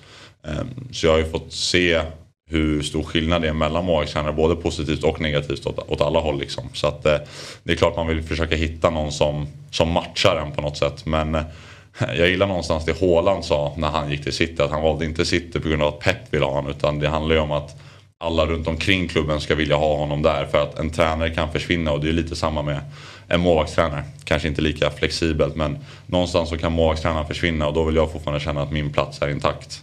Mm. Ehm, Så det är klart att det hade varit dröm att hitta en målvaktstränare som man matchar bra med och som, som man känner kan pusha. Men eh, det är kanske inte det som kommer i första, första hand. Har man också en plan för eh, hur man ska slå sig in i landslaget? Eller kommer det som en konsekvens av att det går bra Ja, det jag. klubblaget? Ja, jag tror inte att du kan eh, kanske hitta om, om du vill sträva så högt upp som möjligt i ligasystem, alltså i ligor ute i Europa så kanske det ger dig större chans att spela i landslaget. Men eh, sen är det också så här, om man ska tänka framtidsmässigt, vad är bäst att spela i en toppklubb i en lite sämre liga eller spela i en mitten slash bottklubb i en bättre liga? Jag vet inte. Jag kommer inte lägga i beakt vad som är bäst för min landslagsplats där. Utan jag tror endast jag tänker på min sportsliga utveckling och vad som är bäst för mig klubblagsmässigt i längden. Och sen så tror jag att, som du säger, landslaget blir en, en konsekvens av det bara att man... Men du menar att det skulle kunna finnas en, en, eh, en motsättning i vad du, som vore bäst för din karriär och vad som ger störst chans till en landslagsplats? Ja, det tror jag just nu. Mm. Alltså jag tror att det är, är bättre att spela någonstans där man kanske i svensk media syns. Om, om det är Mm. rimligt att säga så. Att på något sätt rapporteras om i alla fall. Mm. Kontra att spela i, i ett topplag i en liga som är helt ointressant för Sverige. Mm. Eh, Nu vet jag inte om det är så men det är en spontan känsla bara att jag tror att det genererar mer tryck utifrån att, att pusha sin i landslaget kanske. Eh, jag och eh, bland annat David Mitov Nilsson, eh, vi brukar skriva till varandra eh, och vara ganska upprörda över bristen på målvaktskompetens eh, när, folk, när målvakter ska eh, värderas Ja, okej. utifrån matcher eller situationer eller eh, vilka mål man släpper in eller det här borde ha tagit. Eh, är det någonting du har noterat också? Ja, jag kan hålla med.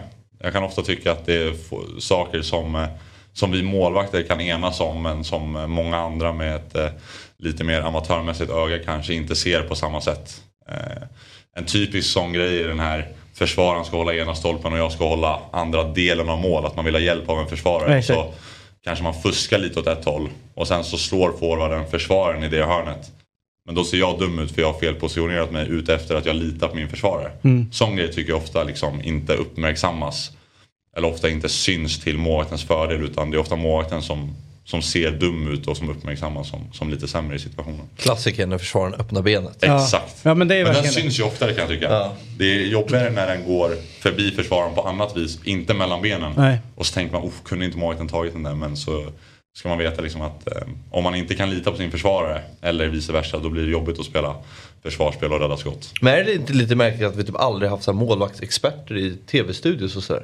Alltså vi tar in domare ibland och sådär, Jonas Eriksson till exempel. Men Per Hansson. Per Hansson är den enda. I Allsvenskan. Ja, okej, sant. Att han, men, han, Ja. men det är väldigt få som har varit. Sen Ja, var ju ja. Thomas Wernersson back in the days eh, på fotbollsspel. Men han tappade ju målvaktsperspektivet ganska tidigt. det var ju liksom inte mycket till hjälp där. Utan han hä- hängde ju bara på liksom så här, ah, den där ska han ta. Man bara, "Åh, det ska han inte alls det.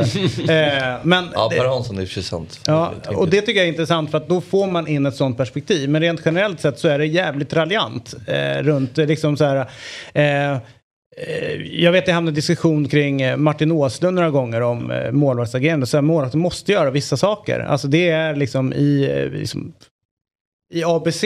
Du måste agera på det här sättet. Om du, inte, alltså, om du inte gör det så har du mindre chans alltså, procentuellt att rädda bollen. Men du kommer se dum ut om Ja. men du måste göra det liksom. Så, nej, de gör fel, de gör det dittan och dattan. Ja, eh, och sen har jag försökt förklara för folk, fattar ni hur jävla snabbt det går? Ja, alltså vet, ett skott utifrån, det kanske inte är så farligt, men en liten, liten touch Ja, på någon. Det, det knappt syns, men det ställer Det, jävligt ja. mycket. Jag brukar alltid säga att den sista touchen tar, om det, är någon, om det är någon skarv eller liknande. Det är ju egentligen som att personen skjuter därifrån. Mm.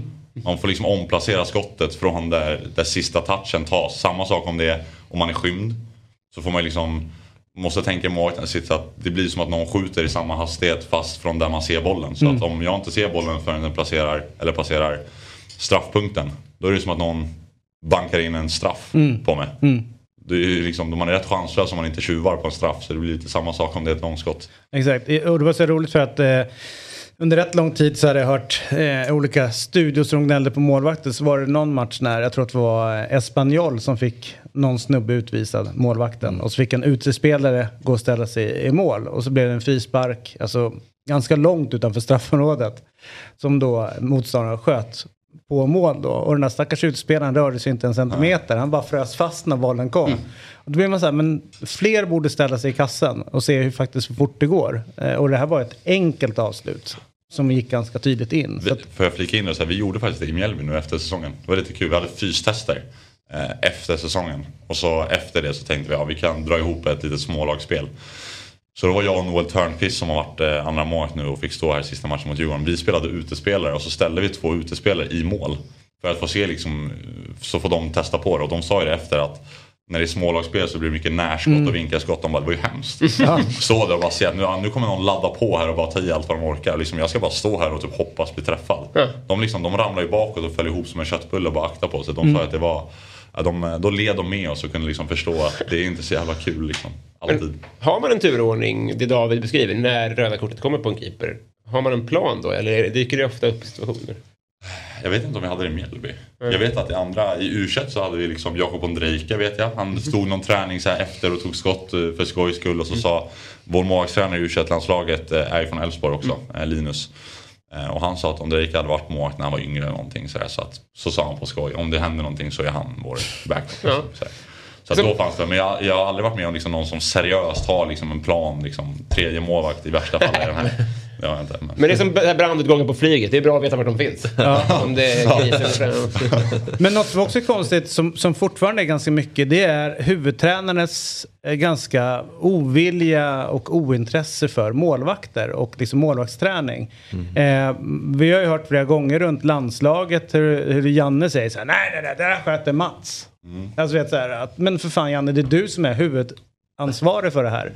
Visst att Mats Elvendal som är målvaktstränare är den som är målvaktstränare, men det är konstigt att den... Tänk man ska säga så här, högerbacken, nej, det skiter jag i. Det fixar, eh, det fixar Peter Wettergren. Jag bryr mig inte alls om vem han tar ut och spelar där, utan det, det får någon annan resonera. Det skulle inte hända. Men just målvaktspositionen så känns det som att äh, det där är oss. Ja, att det är någonting annat. Är inte det märkligt? Jo, jag köper resonemanget. Eh, Jag kan ibland känna, nu var Brännström väldigt bra på det, men jag kan ibland känna vissa situationer jag har haft i klubbar att man blir väldigt lämnad åt målvaktstränaren. Mm. Och det är ju positivt att man har en bra relation med sin målvaktstränare. Men jag kan samtidigt känna så att, jag om man har individuella samtal till exempel, så kan det ibland vara att målvakterna inte har samma, alltså lika ofta, lika frekvent individuella samtal. För att man tänker, ja men du pratar ändå med din målvaktstränare varje dag. Mm. Du har en personlig tränare som bara ni tre har. Och det är klart att det är en liten lyx där, men jag tycker inte man ska tappa det andra. Nu vet jag inte hur det ser ut i landslaget, men jag tänker klubblagsmässigt att Mm. jag tycker det är naturligt att huvudtränaren ska ha samma relation med en målvakt som man ska ha med en mittback eller en forward. Precis som du säger. Och, och, och jag säga det, sista, det, det som fortfarande man ser på träningar högsta nivå. Det är typ att tränarna eh, är så här, ja nu, eh, nu får ni bryta, alltså vet, den här målvaktsträningen är inte lika viktig som den andra som de håller på med. Utan att där blir det typ, ja nu får ni komma upp nu, vad fan, skyndar du på, vi ska köra. Alltså vet så här, ja, känner man igen. det här är en träning som pågår här borta. Ni måste kunna göra upp det här innan. Vad vill ni få ut av målvaktens träning idag och när ska de kliva in i den andra verksamheten? Inte nyckfullt bara kasta in. Händer, händer var dag kan jag säga. I alla klubbar jag har varit i. Så är det alltid att målvakten säger ja idag har vi 30 minuter. Så kollar han klockan och säger ja men nu kör vi igång. Och så har det gått 24 ibland. Mm. Och så säger man nu ska ni in. Så bara, "Jaha, nu, jag hade en övning till typ. Eh, exakt. Eller tvärtom. Mm. Gått 30 minuter så är vi klara och så bara jaha vad fan eh, nu väntar vi här. Så får man vänta i fem minuter och bara stå där och kolla när man har tränare. Ja, det är helt otroligt. Vi har med oss eh, John Alvbåge eh, och för er som kanske inte känner till honom så är han ju före detta målvakt på elitnivå och idag då efter karriären så driver han Någonting då som jag har följt lite grann, en eh, målvakts, John får man säga skola eller utbildning eller eh, extra fokus på, på målvakten. Ni åker runt och har lite camper. Eh, vad, vad, vad ska du sätta för etikett på, på din verksamhet nu? Eh, nej men, hej förresten. God Hej, morgon. hej, god morgon. God morgon, god morgon. Eh, nej men det stämmer. Jag har ju haft eh, verksamhet om man säger sen jag eh, själv var aktiv. Nu har jag ju... Nu jobbar jag som målvaktstränare i Sarpsborg och eh, har lämnat över lite mer själva målvaktstränarverksamheten till min eh, kollega Johan Wahlund som är extremt duktig också. Vi kamperar ihop. Också även Dusan Babic som är ny målvaktstränare i eh, Värnamo. Så det är kvalitetsgrabbar där. Eh, men det vi har gjort är att vi har sett behovet som finns där ute i föreningarna sedan många år tillbaka. I och med att jag är verksam som aktiv och vet hur det fungerar. Och Johan och Dusan har jobbat eh, som målvaktstränare i lite lägre nivåer och vet ju hur stor brist det är på kvalitativ målvaktsträning. Och det ni pratar om här, att målvakten får den eh, eh vad ska man kalla det för, kärleken och eh, det fokuset den behöver. Så vi har ju, man kallar det för hyrt ut tjänster, föreningsverksamhet eh, har vi jobbat med, eller jobbar med. Och så sen eh, har vi även haft fasta camper då, framförallt på lov och bland annat lite sådana saker. Och vi har ju mest huserat i eh, Västsverige, även om vi eh, eh, har varit på lite andra ställen också. Ute, ja, Närkeområde, eh, lite i Bohuslän och Halland och så vidare. Så eh, vi har ju haft, sen vi startade, kanske Eh, i runda slängar 500-600 målvakter eh, per år i princip. Eh, och det, det vet jag väl inte om det är någon annan verksamhet i Sverige som tränar lika många då. Så vi ser ju att eh, behovet är stort och det märker vi även när vi pratar med våra aktiva, men även när vi pratar med föreningar då, att det, det är ett stort problem där ute just eh, kvalitativ målvaktsträning. Så är det. Mm en fråga jag funderar på. Vi är ganska bra på att få fram utespelare som slår sig längre fram i, i liksom europeiska fotbollen. Men just målvakter har vi svårt att liksom få ut och bli etablerade under ganska många år. Om vi börjar med dig Samuel, vad tror du det beror på? Uh, oh, bra fråga. Jag vet inte, jag tror att uh, målvaktssituationen är ju en, eh, en speciell situation liksom att vara, Uh, att vara målvakt. Det är, så, jag tror att många hamnar i det här som utespelare. Ta Alexander Isak som ett bra exempel. Han, han går från AIK till Dortmund. Nu lyckas han inte där men han hamnar ändå på en, en bra platta att ramla ifrån. Eh, och lyckas slå sig in igen och nu spelar han i Real Sociedad ganska tätt efter han lämnar där. Jag tror att som målvakt så är det svårt att hitta ett perfekt steg. Jag tror att du måste värdera väldigt mycket. Det går inte att ta samma stora steg som vissa utespelare gör. För utespelare kommer få sin chans. Du kommer få ett inhopp. Du kommer få några minuter här och där där du kan börja jobba dig in. Som målvakt är det ofta starta eller ingenting. Eh, så jag tror att man blir lätt för ivrig när man är i en bra sits att säljas eller gå utomlands. Att man gärna vill ta ett för stort kliv kanske. Jag tror att om man kanske lugnar ner sig, sätter sig lite ner och, och tar ett små steg och jobbar sig sakta men säkert uppåt så tror jag att det kan, kan gå vägen. Men eh, det är klart att det tar, tar längre tid då. En fråga till dig John, är det någonting med vår utbildning att göra att vi har hamnat på efterkälke på målvaktsposterna eh, eller är det bara ren, ren tillfällighet? Nej, det är absolut inget tillfälligt. Allting har att grunda sig med i utbildningen. Just den målvaktsfokusen eh, och även målvaktstränarfokusen vi är inne på och pratar om. Så det, det handlar om utbildning. Vi har för dåligt utbildade målvakter som grundar sig i att vi eh, ser också... Ja, vi ger inte den respekt till, om man säger, målvaktstränaryrket. Fortfarande idag, 2022 ungefär, så när budgeten står och ska sättas inför åren i många föreningar så rangordnar man liksom en eh, fystränare, en massör i princip före en målvaktstränare i många elitföreningar. Så det, det har att göra med den kvalitativa målvaktsträningen. Vi är för dåligt utbildade. Sen gläds jag åt att höra eh, Samuel är eh, min eh, Akropolis-broder där förresten. Nej men jä- jä- jätte, nej, men jättekul att höra mognaden och resonemanget och det borde många ta efter. Och jag hoppas Även om jag absolut inte har att göra med Samuels eh, framtid. Att man fortsätter resonera så. Sen vet jag att det är svårt när det börjar snacka och ekonomi, stora klubbar, stora pengar börjar blandas in. Det är klart att man... Men att just välja speltid, ranka speltid före mycket annat. Eh, eh, jag vet att det är skitsvårt, men eh, har man den möjligheten att fram till du kanske först är långt över 30 plus kanske och har din gedigna bakgrund. Då kanske du mer kan välja efter plånbok. Men vill man avancera upp i till exempel landslagssammanhang och etablera sig internationellt så är det ju speltid man tittar på. Och såklart att man presterar. Men det är svårt att prestera om du inte har speltid. Så där är en kombination att vi är för dåligt utbildade. Vi får igenom några, absolut. Men eh, sen är det det där med speltiden. Sen vill jag gärna flagga för att vi har två killar som spelar på topp 10-ligor i Sverige som knappt är med i landslagsresonemanget, i alla fall om speltid. Och det är ju Andreas Linde och Victor Johansson. Eh, som spelar ändå både i Zweite Bundesliga och i Championship. Och Victor är ju... Han tror att det ens är påtänkt. Ändå en 24-årig kille som står i Championship. Och eh, sen har vi ju Linde som har en gedigen bakgrund. Som valde speltid och gick till Molde och har byggt en jävla fin karriär och nu ändå spelar. Enorm respekt att han spelar i Bundesliga, Zweite Bundesliga vecka ut och vecka in. Ändå känns inte de riktigt sådär som att Janne tar det på allvar. Och det, det tycker jag ju är lite konstigt. Samtidigt som jag vill lyfta fram att vi har ändå några killar som spelar på jävligt hög nivå idag.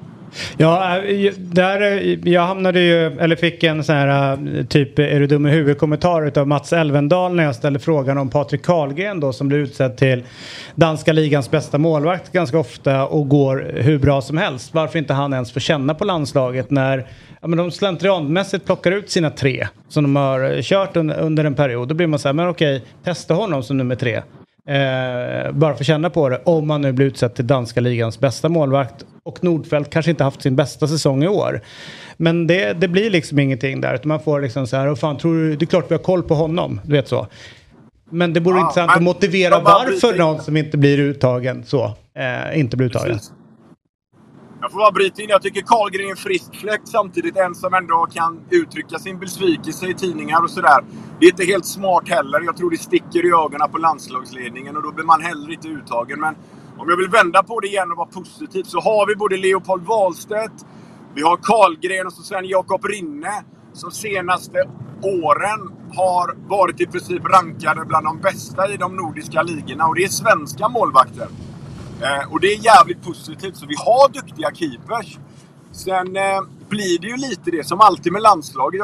Man kan förstå det. De kör på det de känner bäst. Men verkligen jobba med scoutingen med målvakterna där ute. Prata, ha en dialog. Har jag inte koll? Det är som du säger, säg det. Sträck upp handen. Nej, vi har inte riktigt koll på Karlgren. Istället för att jobba in någon slags vit lugn att nej, men vi har full koll. Jag är övertygad och det är... Jag får låta kritisk, men jag är inte 100% att man har helt koll. Det är samma sak som att Linde liksom, ja han är med men har varit skadad lite ut och in. Men det, det tog liksom ett byte till eh, ett Zweite Bundesliga innan han fick gå in. Samtidigt som han har vunnit två, tre guld i Molde innan han liksom ens togs på allvar. Så helt koll har man inte. Men positivt igen är att Patrik Karlgren, Leopold Wahlstedt, Rinne innan Karlgren har varit rankade som de bästa i de nordiska ligorna. Så vi har duktiga keepers, men som sagt, den allra största toppen om vi snackar att etablera sig i en stor, stor, stor liga. Typ Premier League, spanska ligan, italienska ligan. Där är vi inte och det har vi inte varit på många år. Olsen, han är på bänken. Men vad är det som saknas? Vad är det som gör att vi inte eh, tar det sista steget på, på just den positionen? Ja, det går tillbaks tror jag, till utbildningen. Vi är inte helt förberedda. Ta Pontus Dahlberg till exempel som är nästa stora har det varit de senaste åren. Nu har ju Brolin här som är med i studion dykt upp och det är ju extremt kul. Eh, men jag tror inte riktigt förberedd ifrån agenter till rådgivare till honom att det är få, få, få, få som går till Premier League och får lira innan man är 23. 23 är lite åldern om man ser till Premier League där Ja, men då ska man vara klar. Innan det så lånas man ut. Kolla historiken på Pickford, Kasper Schmeichel, Aaron Ramsdale. De lånas ut i hundratals lag. De, de testas liksom innan de är, är mogna. Och det blev eh, Dahlberg också testad. Men han tröttnade till slut och nej, jag orkar inte. De tror inte på mig. Men han är 23 23 nu. Nu skulle det ha varit hans tid egentligen i Watford. Men väljer att gå hem och spela i Blåvitt. Och så sen vägen ut igen nu då. Nu är den extra tuff för Dahlberg. Men då kanske man tänker Isak som lyckades göra det i Djurgården. Men det var ändå ett Djurgården som vann och spelade SM-guld. Om SM-guld. Tveksamt om Blåvitt kommer göra det de närmsta två, tre åren. Kanske. Men eh, jag menar, vi, vi är inte riktigt förberedda. Det är utbildningen. Eh, men eh, att vi har duktiga svenska målvakter, det, det har vi. Men eh, det är liksom på skandinavisk nivå och lite internationellt eh, i strax under absoluta toppen. De jag nämnde där. Jag har bara en fråga, jag är lite nyfiken på det här med målvaktsutbildningen som du nämner. Det känns som att i seniorsammanhang, Samuel du får gärna inflika här, att man nonchalerar nästan lite rollen. Man kastar in lite vem som helst. Antingen en gammal målvakt till exempel eller en från juniorlaget som deltidsjobbar som eh, målvaktstränare för ett herrlag. Eh, med din erfarenhet eh, John, hur, håller du med om det eller? Och tycker att, liksom att, eller att vi har blivit bättre på det i rekryteringsprocessen när det kommer till målvaktstränare generellt? Ja, det är en bra fråga. Då kommer vi upp på Svenska fotbollsförbundets nivå egentligen med det här med utbildning. Alltså det är klart att det finns jättemånga duktiga där ute. Och sen släng in någon som har spelat. Där kanske jag kan räcka upp handen. Men alltså det handlar ju om driv. Vad vill du liksom? Inte bara hej du får ett jobb. Men det gäller ju att hitta de som verkligen har drivet och passionen och brinner för yrket. Och det finns jättemånga bra där ute. Eh, vi nämnde Elvendal förut som är grym. Som inte kanske har elitkarriären bakom sig men som ändå bevisligen har lyckats göra en fantastisk karriär.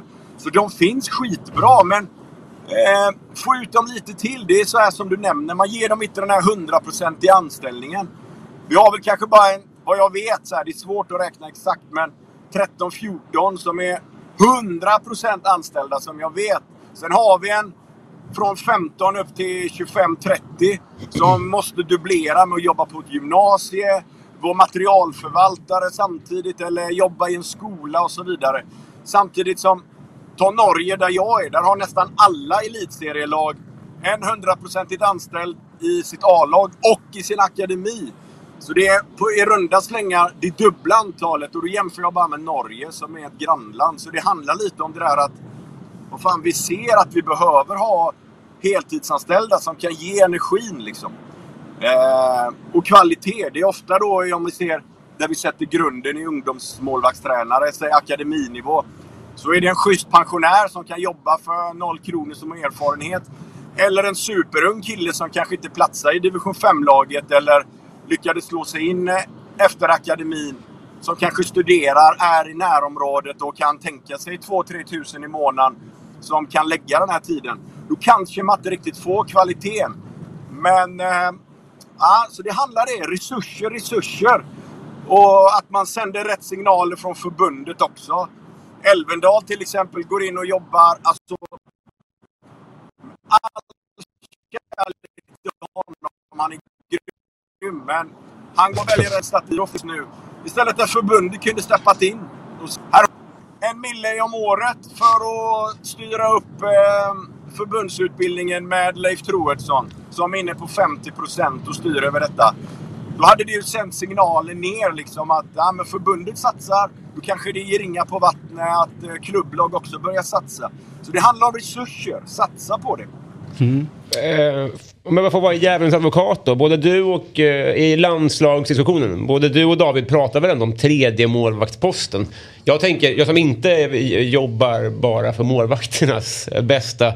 Tänker ju att om, man, om, man, om det är landslagssamling, man får 26 nej av olika anledningar. Då skulle jag också ta in en tredje målvakt som har varit där förut. Som vet vart eh, en skåp står och som vet hur frukostrutinerna funkar. Är det så konstigt att man prioriterar andra saker? Alltså Pepe Reina var väl inte Spaniens tredje bästa målvakt, men det gick ju bra ändå. Man kanske kan se andra saker för ögonen än vem som är Sveriges tredje bästa målvakt på en sån position som ändå aldrig kommer få lira, eller? Jag ska jag förlåta att jag pratar väldigt mycket här, men nej, det, jag, håller, jag kritiserar inte landslaget, deras uttagning. Men det är bara intressant att se lite det här att...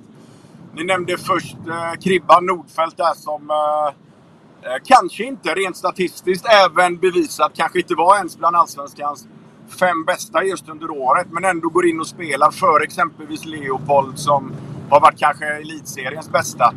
Och det är ju för att man vet att han håller. Eh, det var ju samma sak eh, när jag var med i VM 2006. Då visste man ju att Rami Shaban höll på den nivån, när man säger Champions League-nivå. Och jag var inte bevisad på den nivån. Så då spelar man Rami. Jag köper det, jag förstår det. Men får man inte testa på det liksom i klubblaget så är det väl inte fel att exempelvis slänga in Leopold i en träningsmatch mot Mexiko till exempel. Men eh, att Kribban går in och gör det stabilt, det, det tyder ju på hans kvaliteter. Så jag fattar grejen, men... Ja, ta med fyra någon gång då för att bara ha med i träning och i alla fall se. Då kan man verkligen styrka det argumentet sen att nej, Karlgren är inte med nästa landskamp för vi tycker det finns bättre. Då kan man ändå bevisa det med att när han har varit med här en vecka nu och kört med landslaget så vad fan, släng med fyra. Det har man väl ändå råd att pröjsa ett hotell i en vecka extra för en gubbe om man nu ska hårdra det till exempel. Ja. Plus att man inte kommer eh, nå, nå den där första spaden om du inte får vara i verksamheten. Jag tänker att det kan vara ett bra sätt att konkurrensutsätta det hela och att Robin Olsen inte lär spela hur många år sedan till som helst. Så det blir bra att bygga upp nå, något gäng där bakom. Men du, eh, John, vem är världens bästa målvakt just nu? Och vem är Sveriges bästa målvakt? Eh, tack för frågan. Men jag, jag drar fram en bubbla där. Ingen ni skulle tänka på, men eh, jag älskar Mike Magnan i Milan. Han är Ja. för mig just nu... Eh, han har allt, hela paketet. Han adderar även matchavgörande räddningar med det moderna spelet. Att han inte bara har fina fötter, han gör något som jag tycker börjar bli en liten... Eh, ja, det börjar försvinna lite. Det vill säga gå ut och dominera till straffområde också. Plockar inlägg och så Älskar vidare. det. vilket Jag, är viktigt. är så jävla viktigt. Ja, det börjar ju försvinna lite tyvärr. För man tar ett steg tillbaka och du vågar kanske göra misstag och man säger att det går snabbare nu för tiden. Men man, jag visar att det går att vara modern och även gå ut och plocka. Så jag plockar honom som kanske inte någon, eh, inte alla tänker på. Eh, Sveriges bästa. Eh, just idag, eh, november 20... Jag säger Andreas Linde utan tvekan i och med att han eh, spelar i eh, Zweite Bundesliga vecka ut och vecka in. Så eh, jag lyfter fram honom. Mm, spännande. Kör försiktigt. Var någonstans i Norge sa du att du var någonstans nu när du sitter i din bil?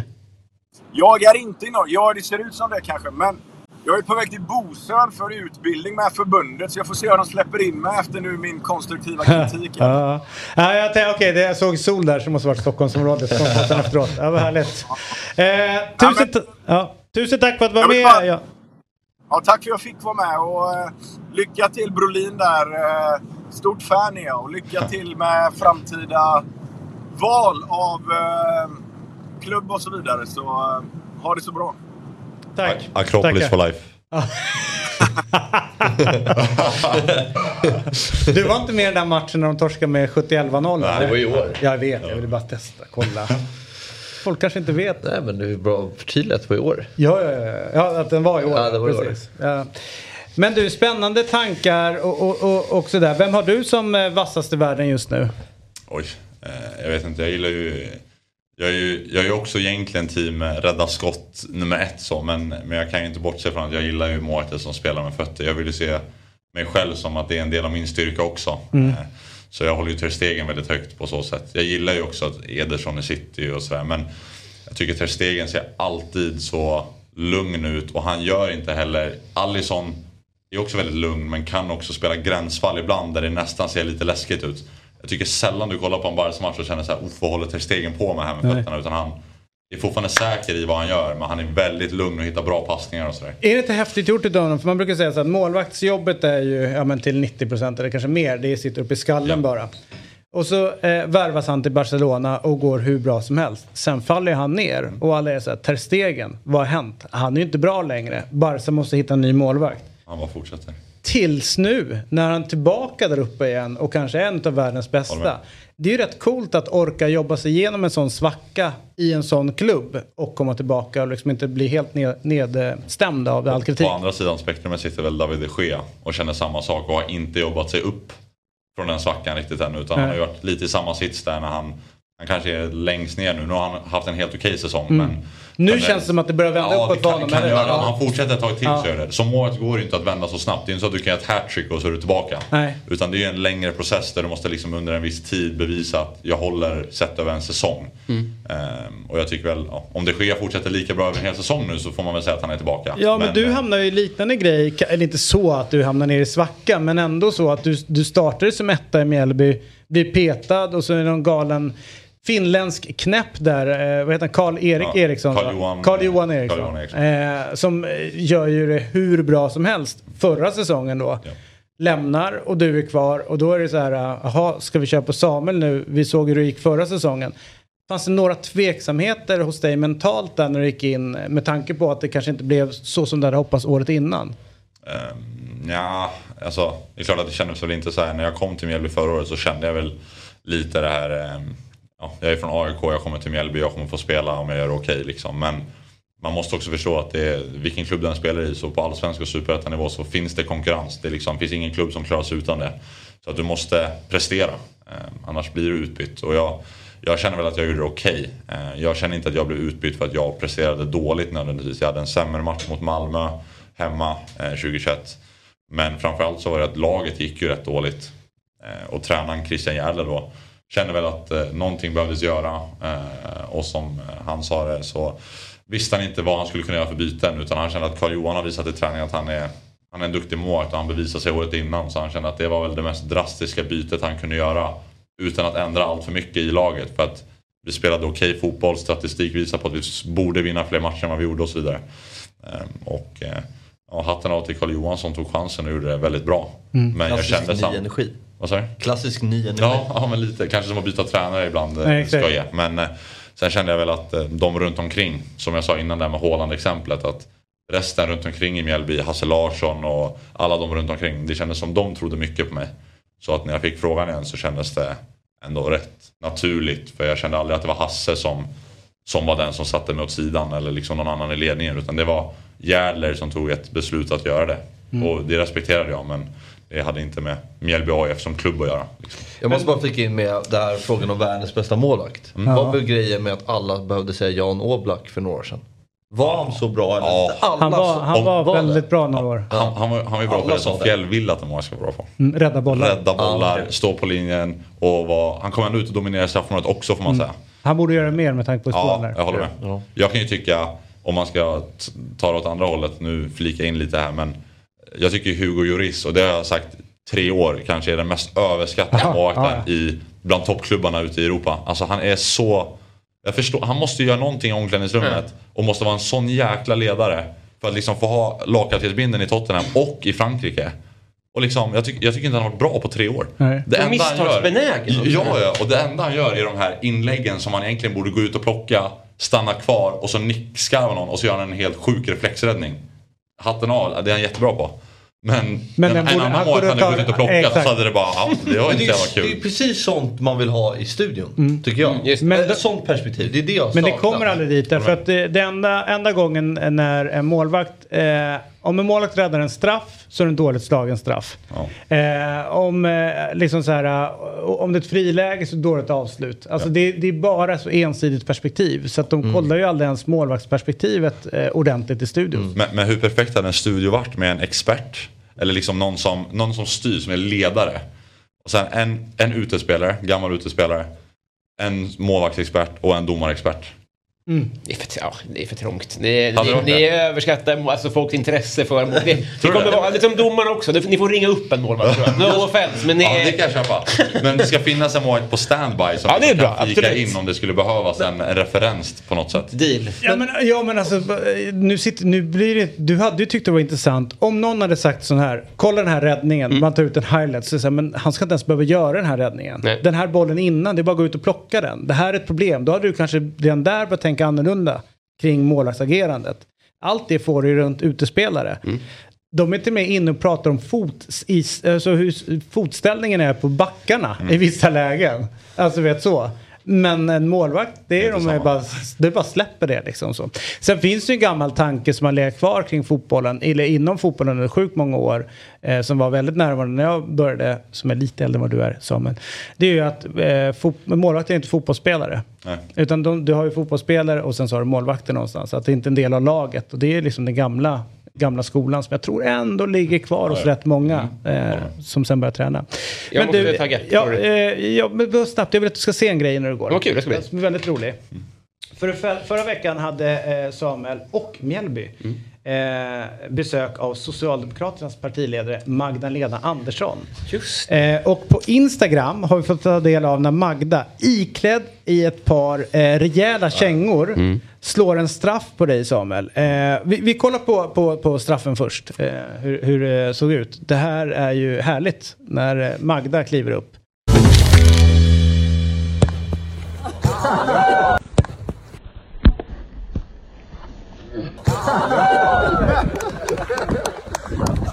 Lägger den mitt i mål.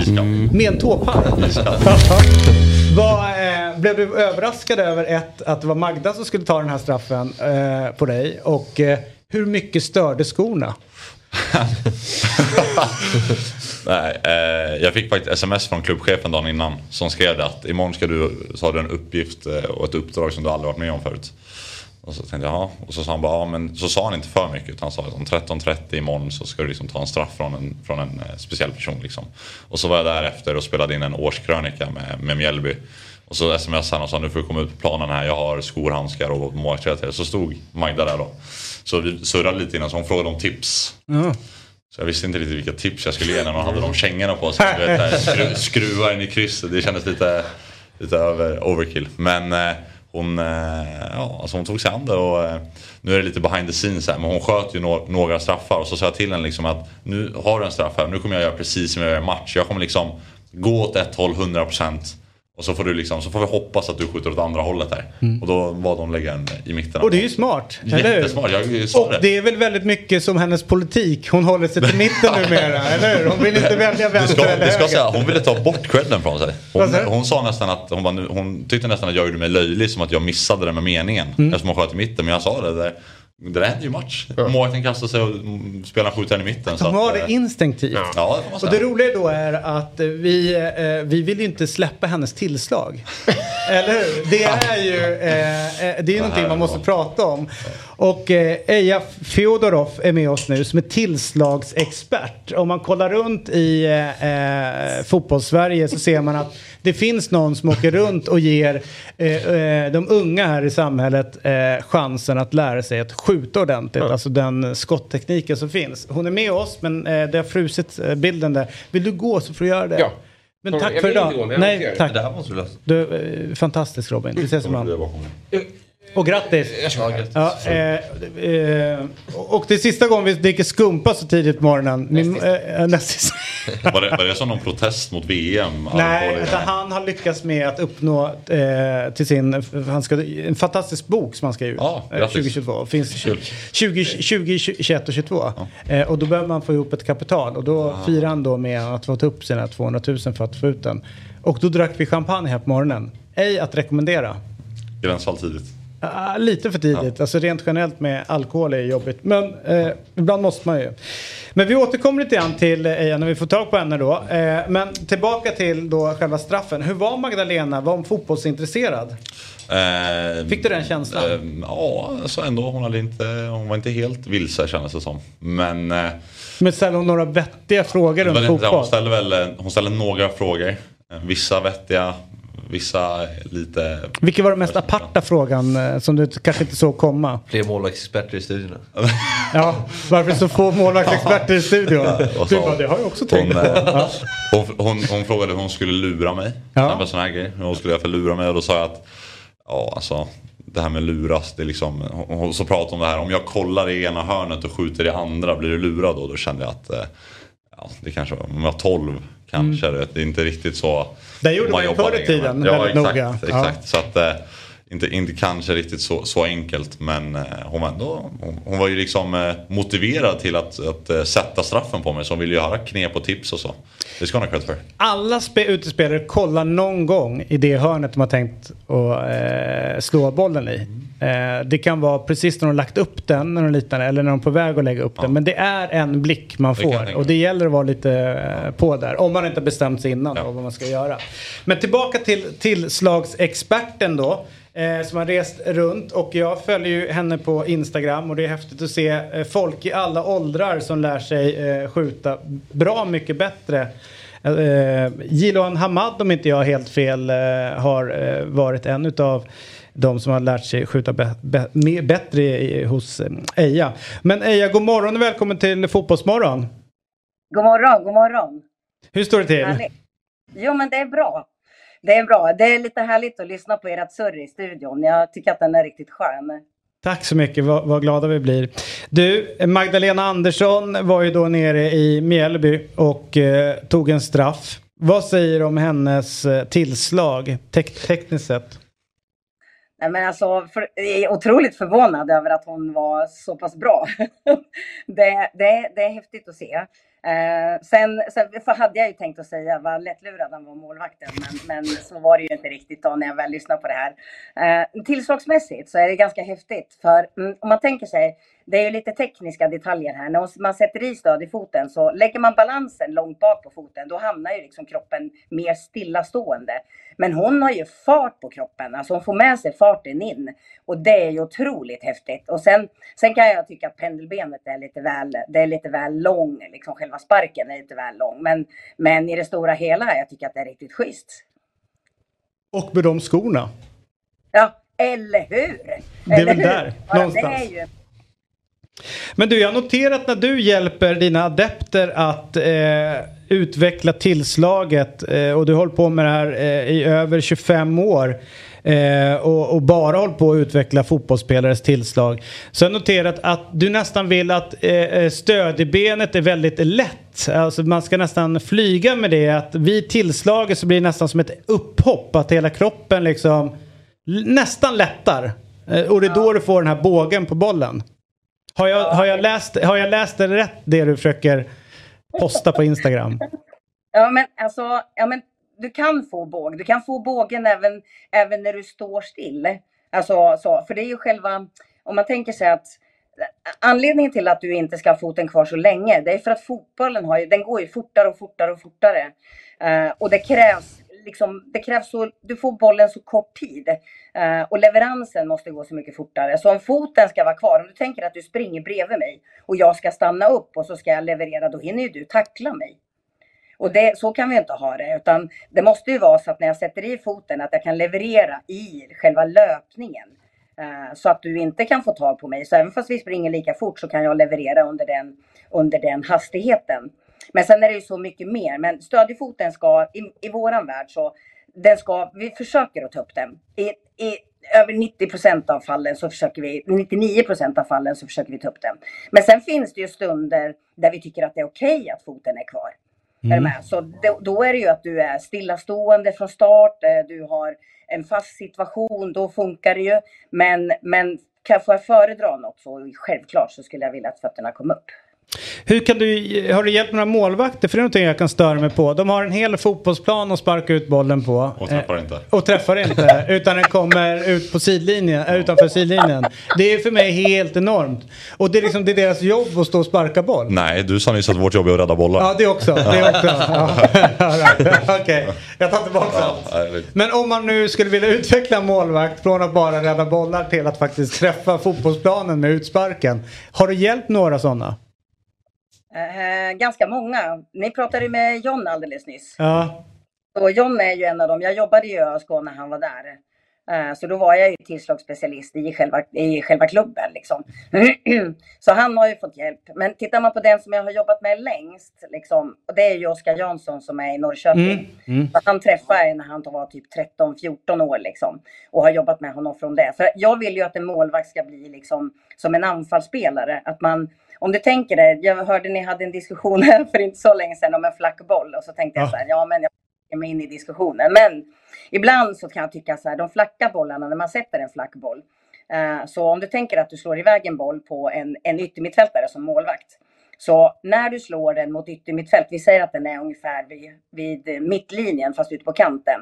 Så en flackboll, den kommer ju inte ner utan då måste du jobba med hastigheten. Så när den väl kommer ut, ut mot kanten så vill man ju att, den ska, att hastigheten ska ta slut och den ska sjunka ner. Liksom. Ja men det är ju fantastiskt bra. Men det som händer då, det är att motståndarna kan läsa den bollen mycket, mycket bättre. Eh, och då kan de också springa dit för de vet ju att hastigheten går ner. Men om du sätter en dykboll på en spelare som är i vid yttermittfält, alltså som, ska, som sen ska ta emot den. Då kan vi sätta vilken hastighet vi vill. För vi bestämmer ju vart dyket ska komma. Mm. Då kan du ha 30 av max, 50 av max. Är du med? Så då, då är det en jäkla skillnad på den här, de, här två, de här två bollarna. Om man tittar på en spelare i världen, alltså om man tänker sig en yttermittfältare, inte en målvakt nu, utan en yttermittfältare som slår den här sorten av bollar fast in emot straffområdet och han lär ju vara med nu på VM. Så om man tittar på Di Marias bollar till exempel, det är ju vilken hastighet han har på dem. Det är helt galet. Det är så otroligt häftigt att se. Det innebär ju att vi kan få ett spel som är så mycket snabbare. Och att den kommer till den spelaren som vi önskar också. Mm. Nu är jag sjukt nördig här så att jag... Nej, men vi gillar, nej, men vi gillar nörderi här. Det är helt, eh, helt vår grej. Och jag känner mer och mer att, eh, att du bör, egentligen borde komma hit och prata bara tillslag. eh, För att det är ju som, som viktig grej. Och gärna när Fabbe är här, för han behöver all hjälp han kan få med tillslaget. Jag har faktiskt fått hjälp. Jag drog in tre raka i krysset när jag fick en halvtimmes hjälp av tillslag. Av det är en bra. tillslagstränare. Ja, det är bra. Du ser. Mm. Eh, även en blind höna. Eh, god morgon på dig återigen och så hörs vi framöver. Jättekul att du var med och jättekul att, eh, att du gav eh, Magda godkänt då för den här eh, straffen. Absolut, absolut. Ja, men, li, hon måste jobba lite grann med framåtpendeln helt enkelt. eh. Ja, precis, precis. Ja, Glöm li- inte det. Nej, härligt. Tack så mycket. Tack, Tackar. tack. Hej. Har du fått någon eh, coachning i liksom, spelet med fötterna? Ja, mycket av eh, Kenny Stamatopoulos i AIK faktiskt. Mm. Han, han är väl en eh, ambassadör till jag säga, men han, han står ju mycket för det här med spelet med fötterna. Han tycker att det är en stor del. Framförallt så tycker han att jag har haft det sedan länge. Så han har fortsatt velat utveckla det Mm. på mig. Så han har ju varit mycket på mig att eh, ja, bara ta för mig mer och våga slå de här bollarna ut på wings och liksom inte alltid hitta en längre bakom backlinjen. Utan, Nej. eh, försöka pusha mig till att slå liksom på bröstet på någon. Men det som händer då är att man missar ju ibland trots att man har en hel plan att stå Mm. på som du sa här innan. Men, eh, Men den är okej får- för då har du någonting. Du siktar ut mot en kant Exakt. och det kan bli lite Det är inte långt. så att det är en rensning mitt i planen Nej. som går 40 meter åt sidan. Det jag stör mig mest på det är ju ren, rena skära utsparkar. Som, eh, det är dåligt. och framförallt förr i tiden när det var mycket halvvolley. Det var ju det när jag spelade. Och, eh, jag Då menar, kan det gå vart som. Ravelli till exempel, en Uppstuds. klassiker som bara, som bara Ja. drar ut eh, och säger helvetes jävla skit han och skriker. Eller så gör man som Dembo, kasta istället. ja, alltså, mäktigt. Ja, jävligt mäktigt. Men hur var Magnus Hedmans målskola? Eh, ja, det var så, jag var så ung då så att det var ju ganska mycket bara nöta teknik och liksom eh, mer, mer grejer för att utveckla mig så, när jag var så ung. Mm. Jag började som mål ganska sent. Eh, så han var väl egentligen den första riktiga måltränaren jag hade. Som nötte bara liksom fallteknik och, och sådana saker. Så jag fick ju inte liksom känna på det här hur jag ska prestera som bäst i match. Utan han ville ju bara utveckla mig generellt som målvakt. Magnus Hedman alltså. Ja. han var ju med här innan på morgonen. Ja, eh, han har ju en tatuering på underarmen. Ja, vad är det som... Han har, ju, han har träffat en tjej eh, som han är väldigt kär i. Och- Ja, och- just det, ja. jag såg den tatueringen. Han la Ja. ut den på sin Instagram. Ja. Ja. Jag såg den tatueringen. Ja. Och då är min fråga till dig. Har du träffat kvinnan i ditt liv Ja. som du är beredd att, att tatuera in på underarmen? Ja, jag är ju ihop med, en, eh, med min flickvän Emilia Jergård. Vi är även sambos nu i Täby. Ja. Så att jag ville tro det. Men jag har svårt att säga att jag någon gång i mitt liv kommer att tatuera in bild på... Ja, men då älskar du inte henne tillräckligt mycket. Enligt Magnus Hedman. Det är bara det. Du måste tatuera in det för att visa det att det här är it. Ja. Det, här är, det här är tjejen med, Inte sätta med stort T. eh, ring på fingret utan det är Nej, nej, tatueringen som är Nej, viktiga. tatueringen. Ja. Ringen kan du ta av hur som Ja. helst. Det, här, det är konstigheter. Det är gaddningen som är viktiga. All right, här är dagens matcher. Och man streamar ju, alla, eller streamar ju VM-matcherna utan avbrott på Simor eh, med fördel. Jag noterade att de hade Ultra HD igår.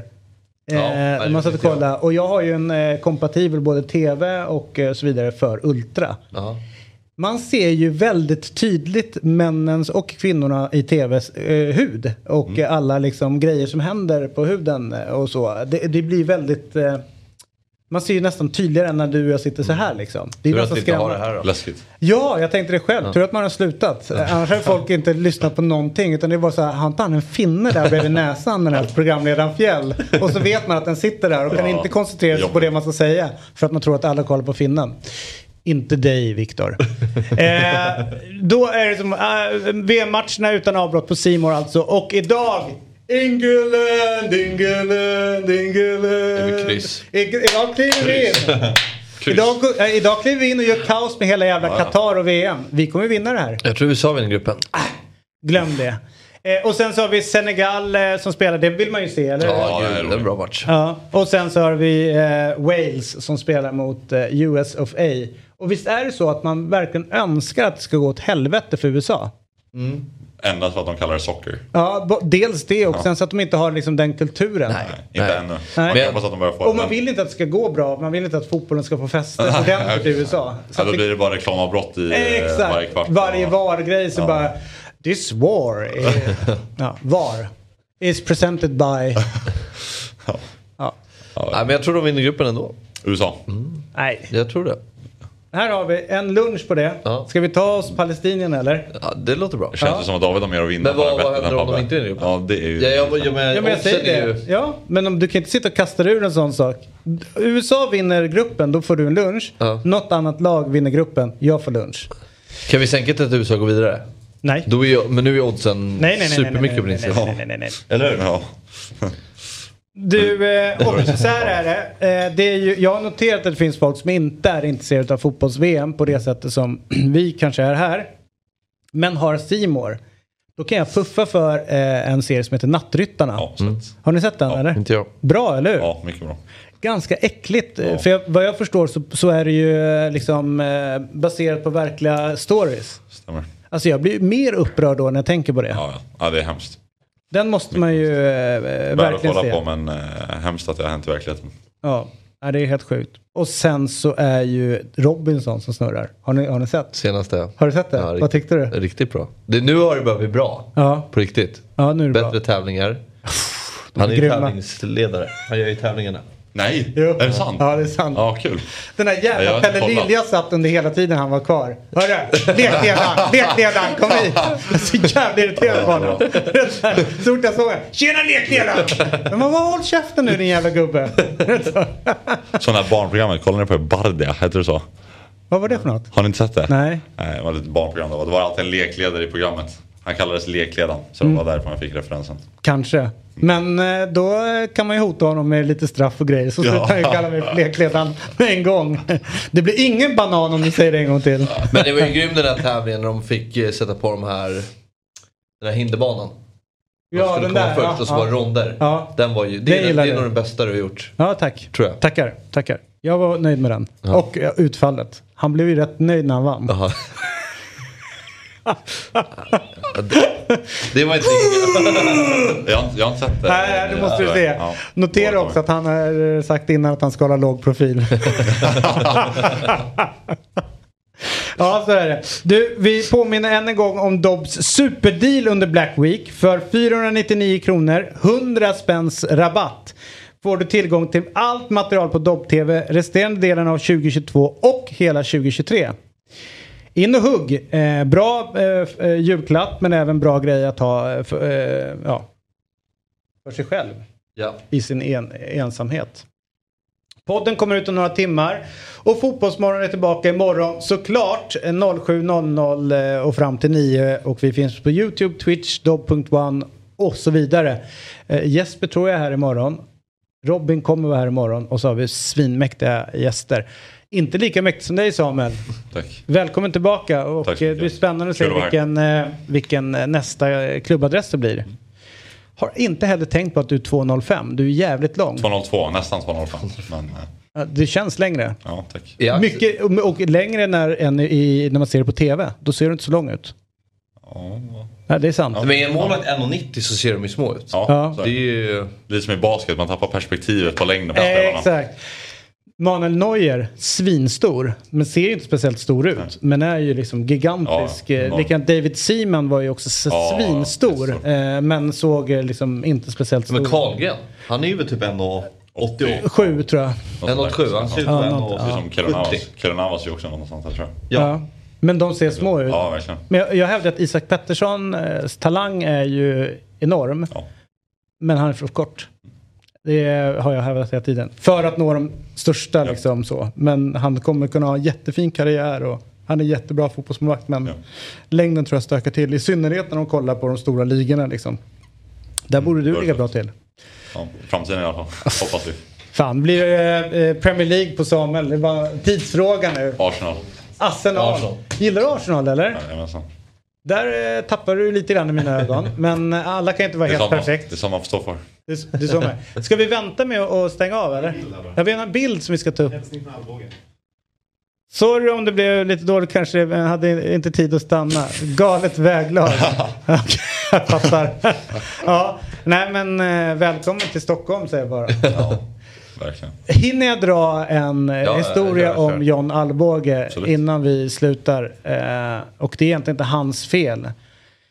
IFK Göteborg värvar John Alvbåge eh, som målvakt. Eh, som den som ska ta över efter eh, Bengt Andersson. Som attraktive Bengt som stod i tusen år där nere.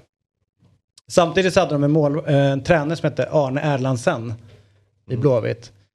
Eh, som valde att inte spela Alvbåge och alla var så varför spelar inte Alvbåge? Han kom från en jättebra säsong året innan, han är nere från Göteborg, han är betydligt yngre och sådana saker. Första gången jag frågade det så var eh, Erlandsen eh, nykter och då sa han så här, han hade en eh, konkurrenssituation, rätt så där. Han är ganska bra. Ja, ganska bra. är norska. Sen kommer det sen på natten. När jag, då- och då är jag lite packad. Tv-lagsmatch. Och jag blir så här, men vad fan, du måste ju spela eh, John Alvbåge. Kom igen nu. Det är ju liksom, det är det vi trodde på för svensk fotbolls framtid och sådana saker. Då tittar Arne på mig och så säger han så här. Eh, en sak ska du veta. Och så kommer det så här. Jon Alvåge är rätt och slätt dritt. Vad säger du? Och då är man ändå, eh, då är man ändå eh, ja, jobbar som murvel och sådär. Jag bara, du kan inte säga sådär. Nej. Han är dritt! och så tittar på mig. Och du också! Fick man den bara rakt upp i huvudet.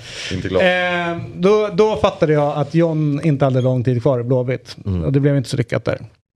Vi drar igång våra watchalongs i, eh, idag också. Just det. Ska du vara med i några eller? Ja. Det blir jättespännande eh, där man kan hänga med och eh, med oss under matcherna. Ja, det brukar bli väldigt poppis det där. Mm. Ska, ska du vara med? Jag eh, är som, jag är som sä- eh, sämst när det är watchalongs därför att jag är rädd för att jag kommer säga saker eh, som inte är bra. Mm. Jag ska inte bli filmad när jag kollar på fotboll. Utan det är inga, inga inspelningsdevices. eh, I synnerhet inte när England kommer spela. Då blir det väldigt eh, känslomässigt. Härligt! Eh, tack eh, Tack Samuel. Eh, sa, eh, ja, Fabbe. All right, vi ses imorgon. Hej då, hej då, hej då. Fotbollsmorgon presenteras i samarbete med ATG. Höj mästerskapstempen. Spela på VM hos ATG. Simors sändningar från fotbolls-VM. Streama från 249 kronor i månaden. Carlsberg.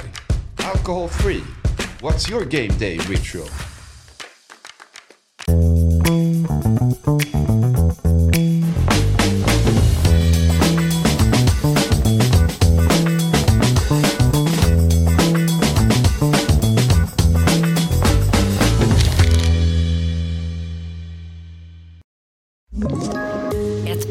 Poddtips från Podplay. I fallen jag aldrig glömmer djupdyker Hasse Aro i arbetet bakom några av Sveriges mest uppseendeväckande brottsutredningar. Går vi in med hemlig telefonavlyssning och, och då upplever vi att vi får en total förändring av hans beteende. Vad är det som händer nu? Vem är det som läcker? Och så säger han att jag är kriminell, jag har varit kriminell i hela mitt liv men att mörda ett barn, där går min gräns. Nya säsongen av Fallen jag aldrig glömmer på Podplay.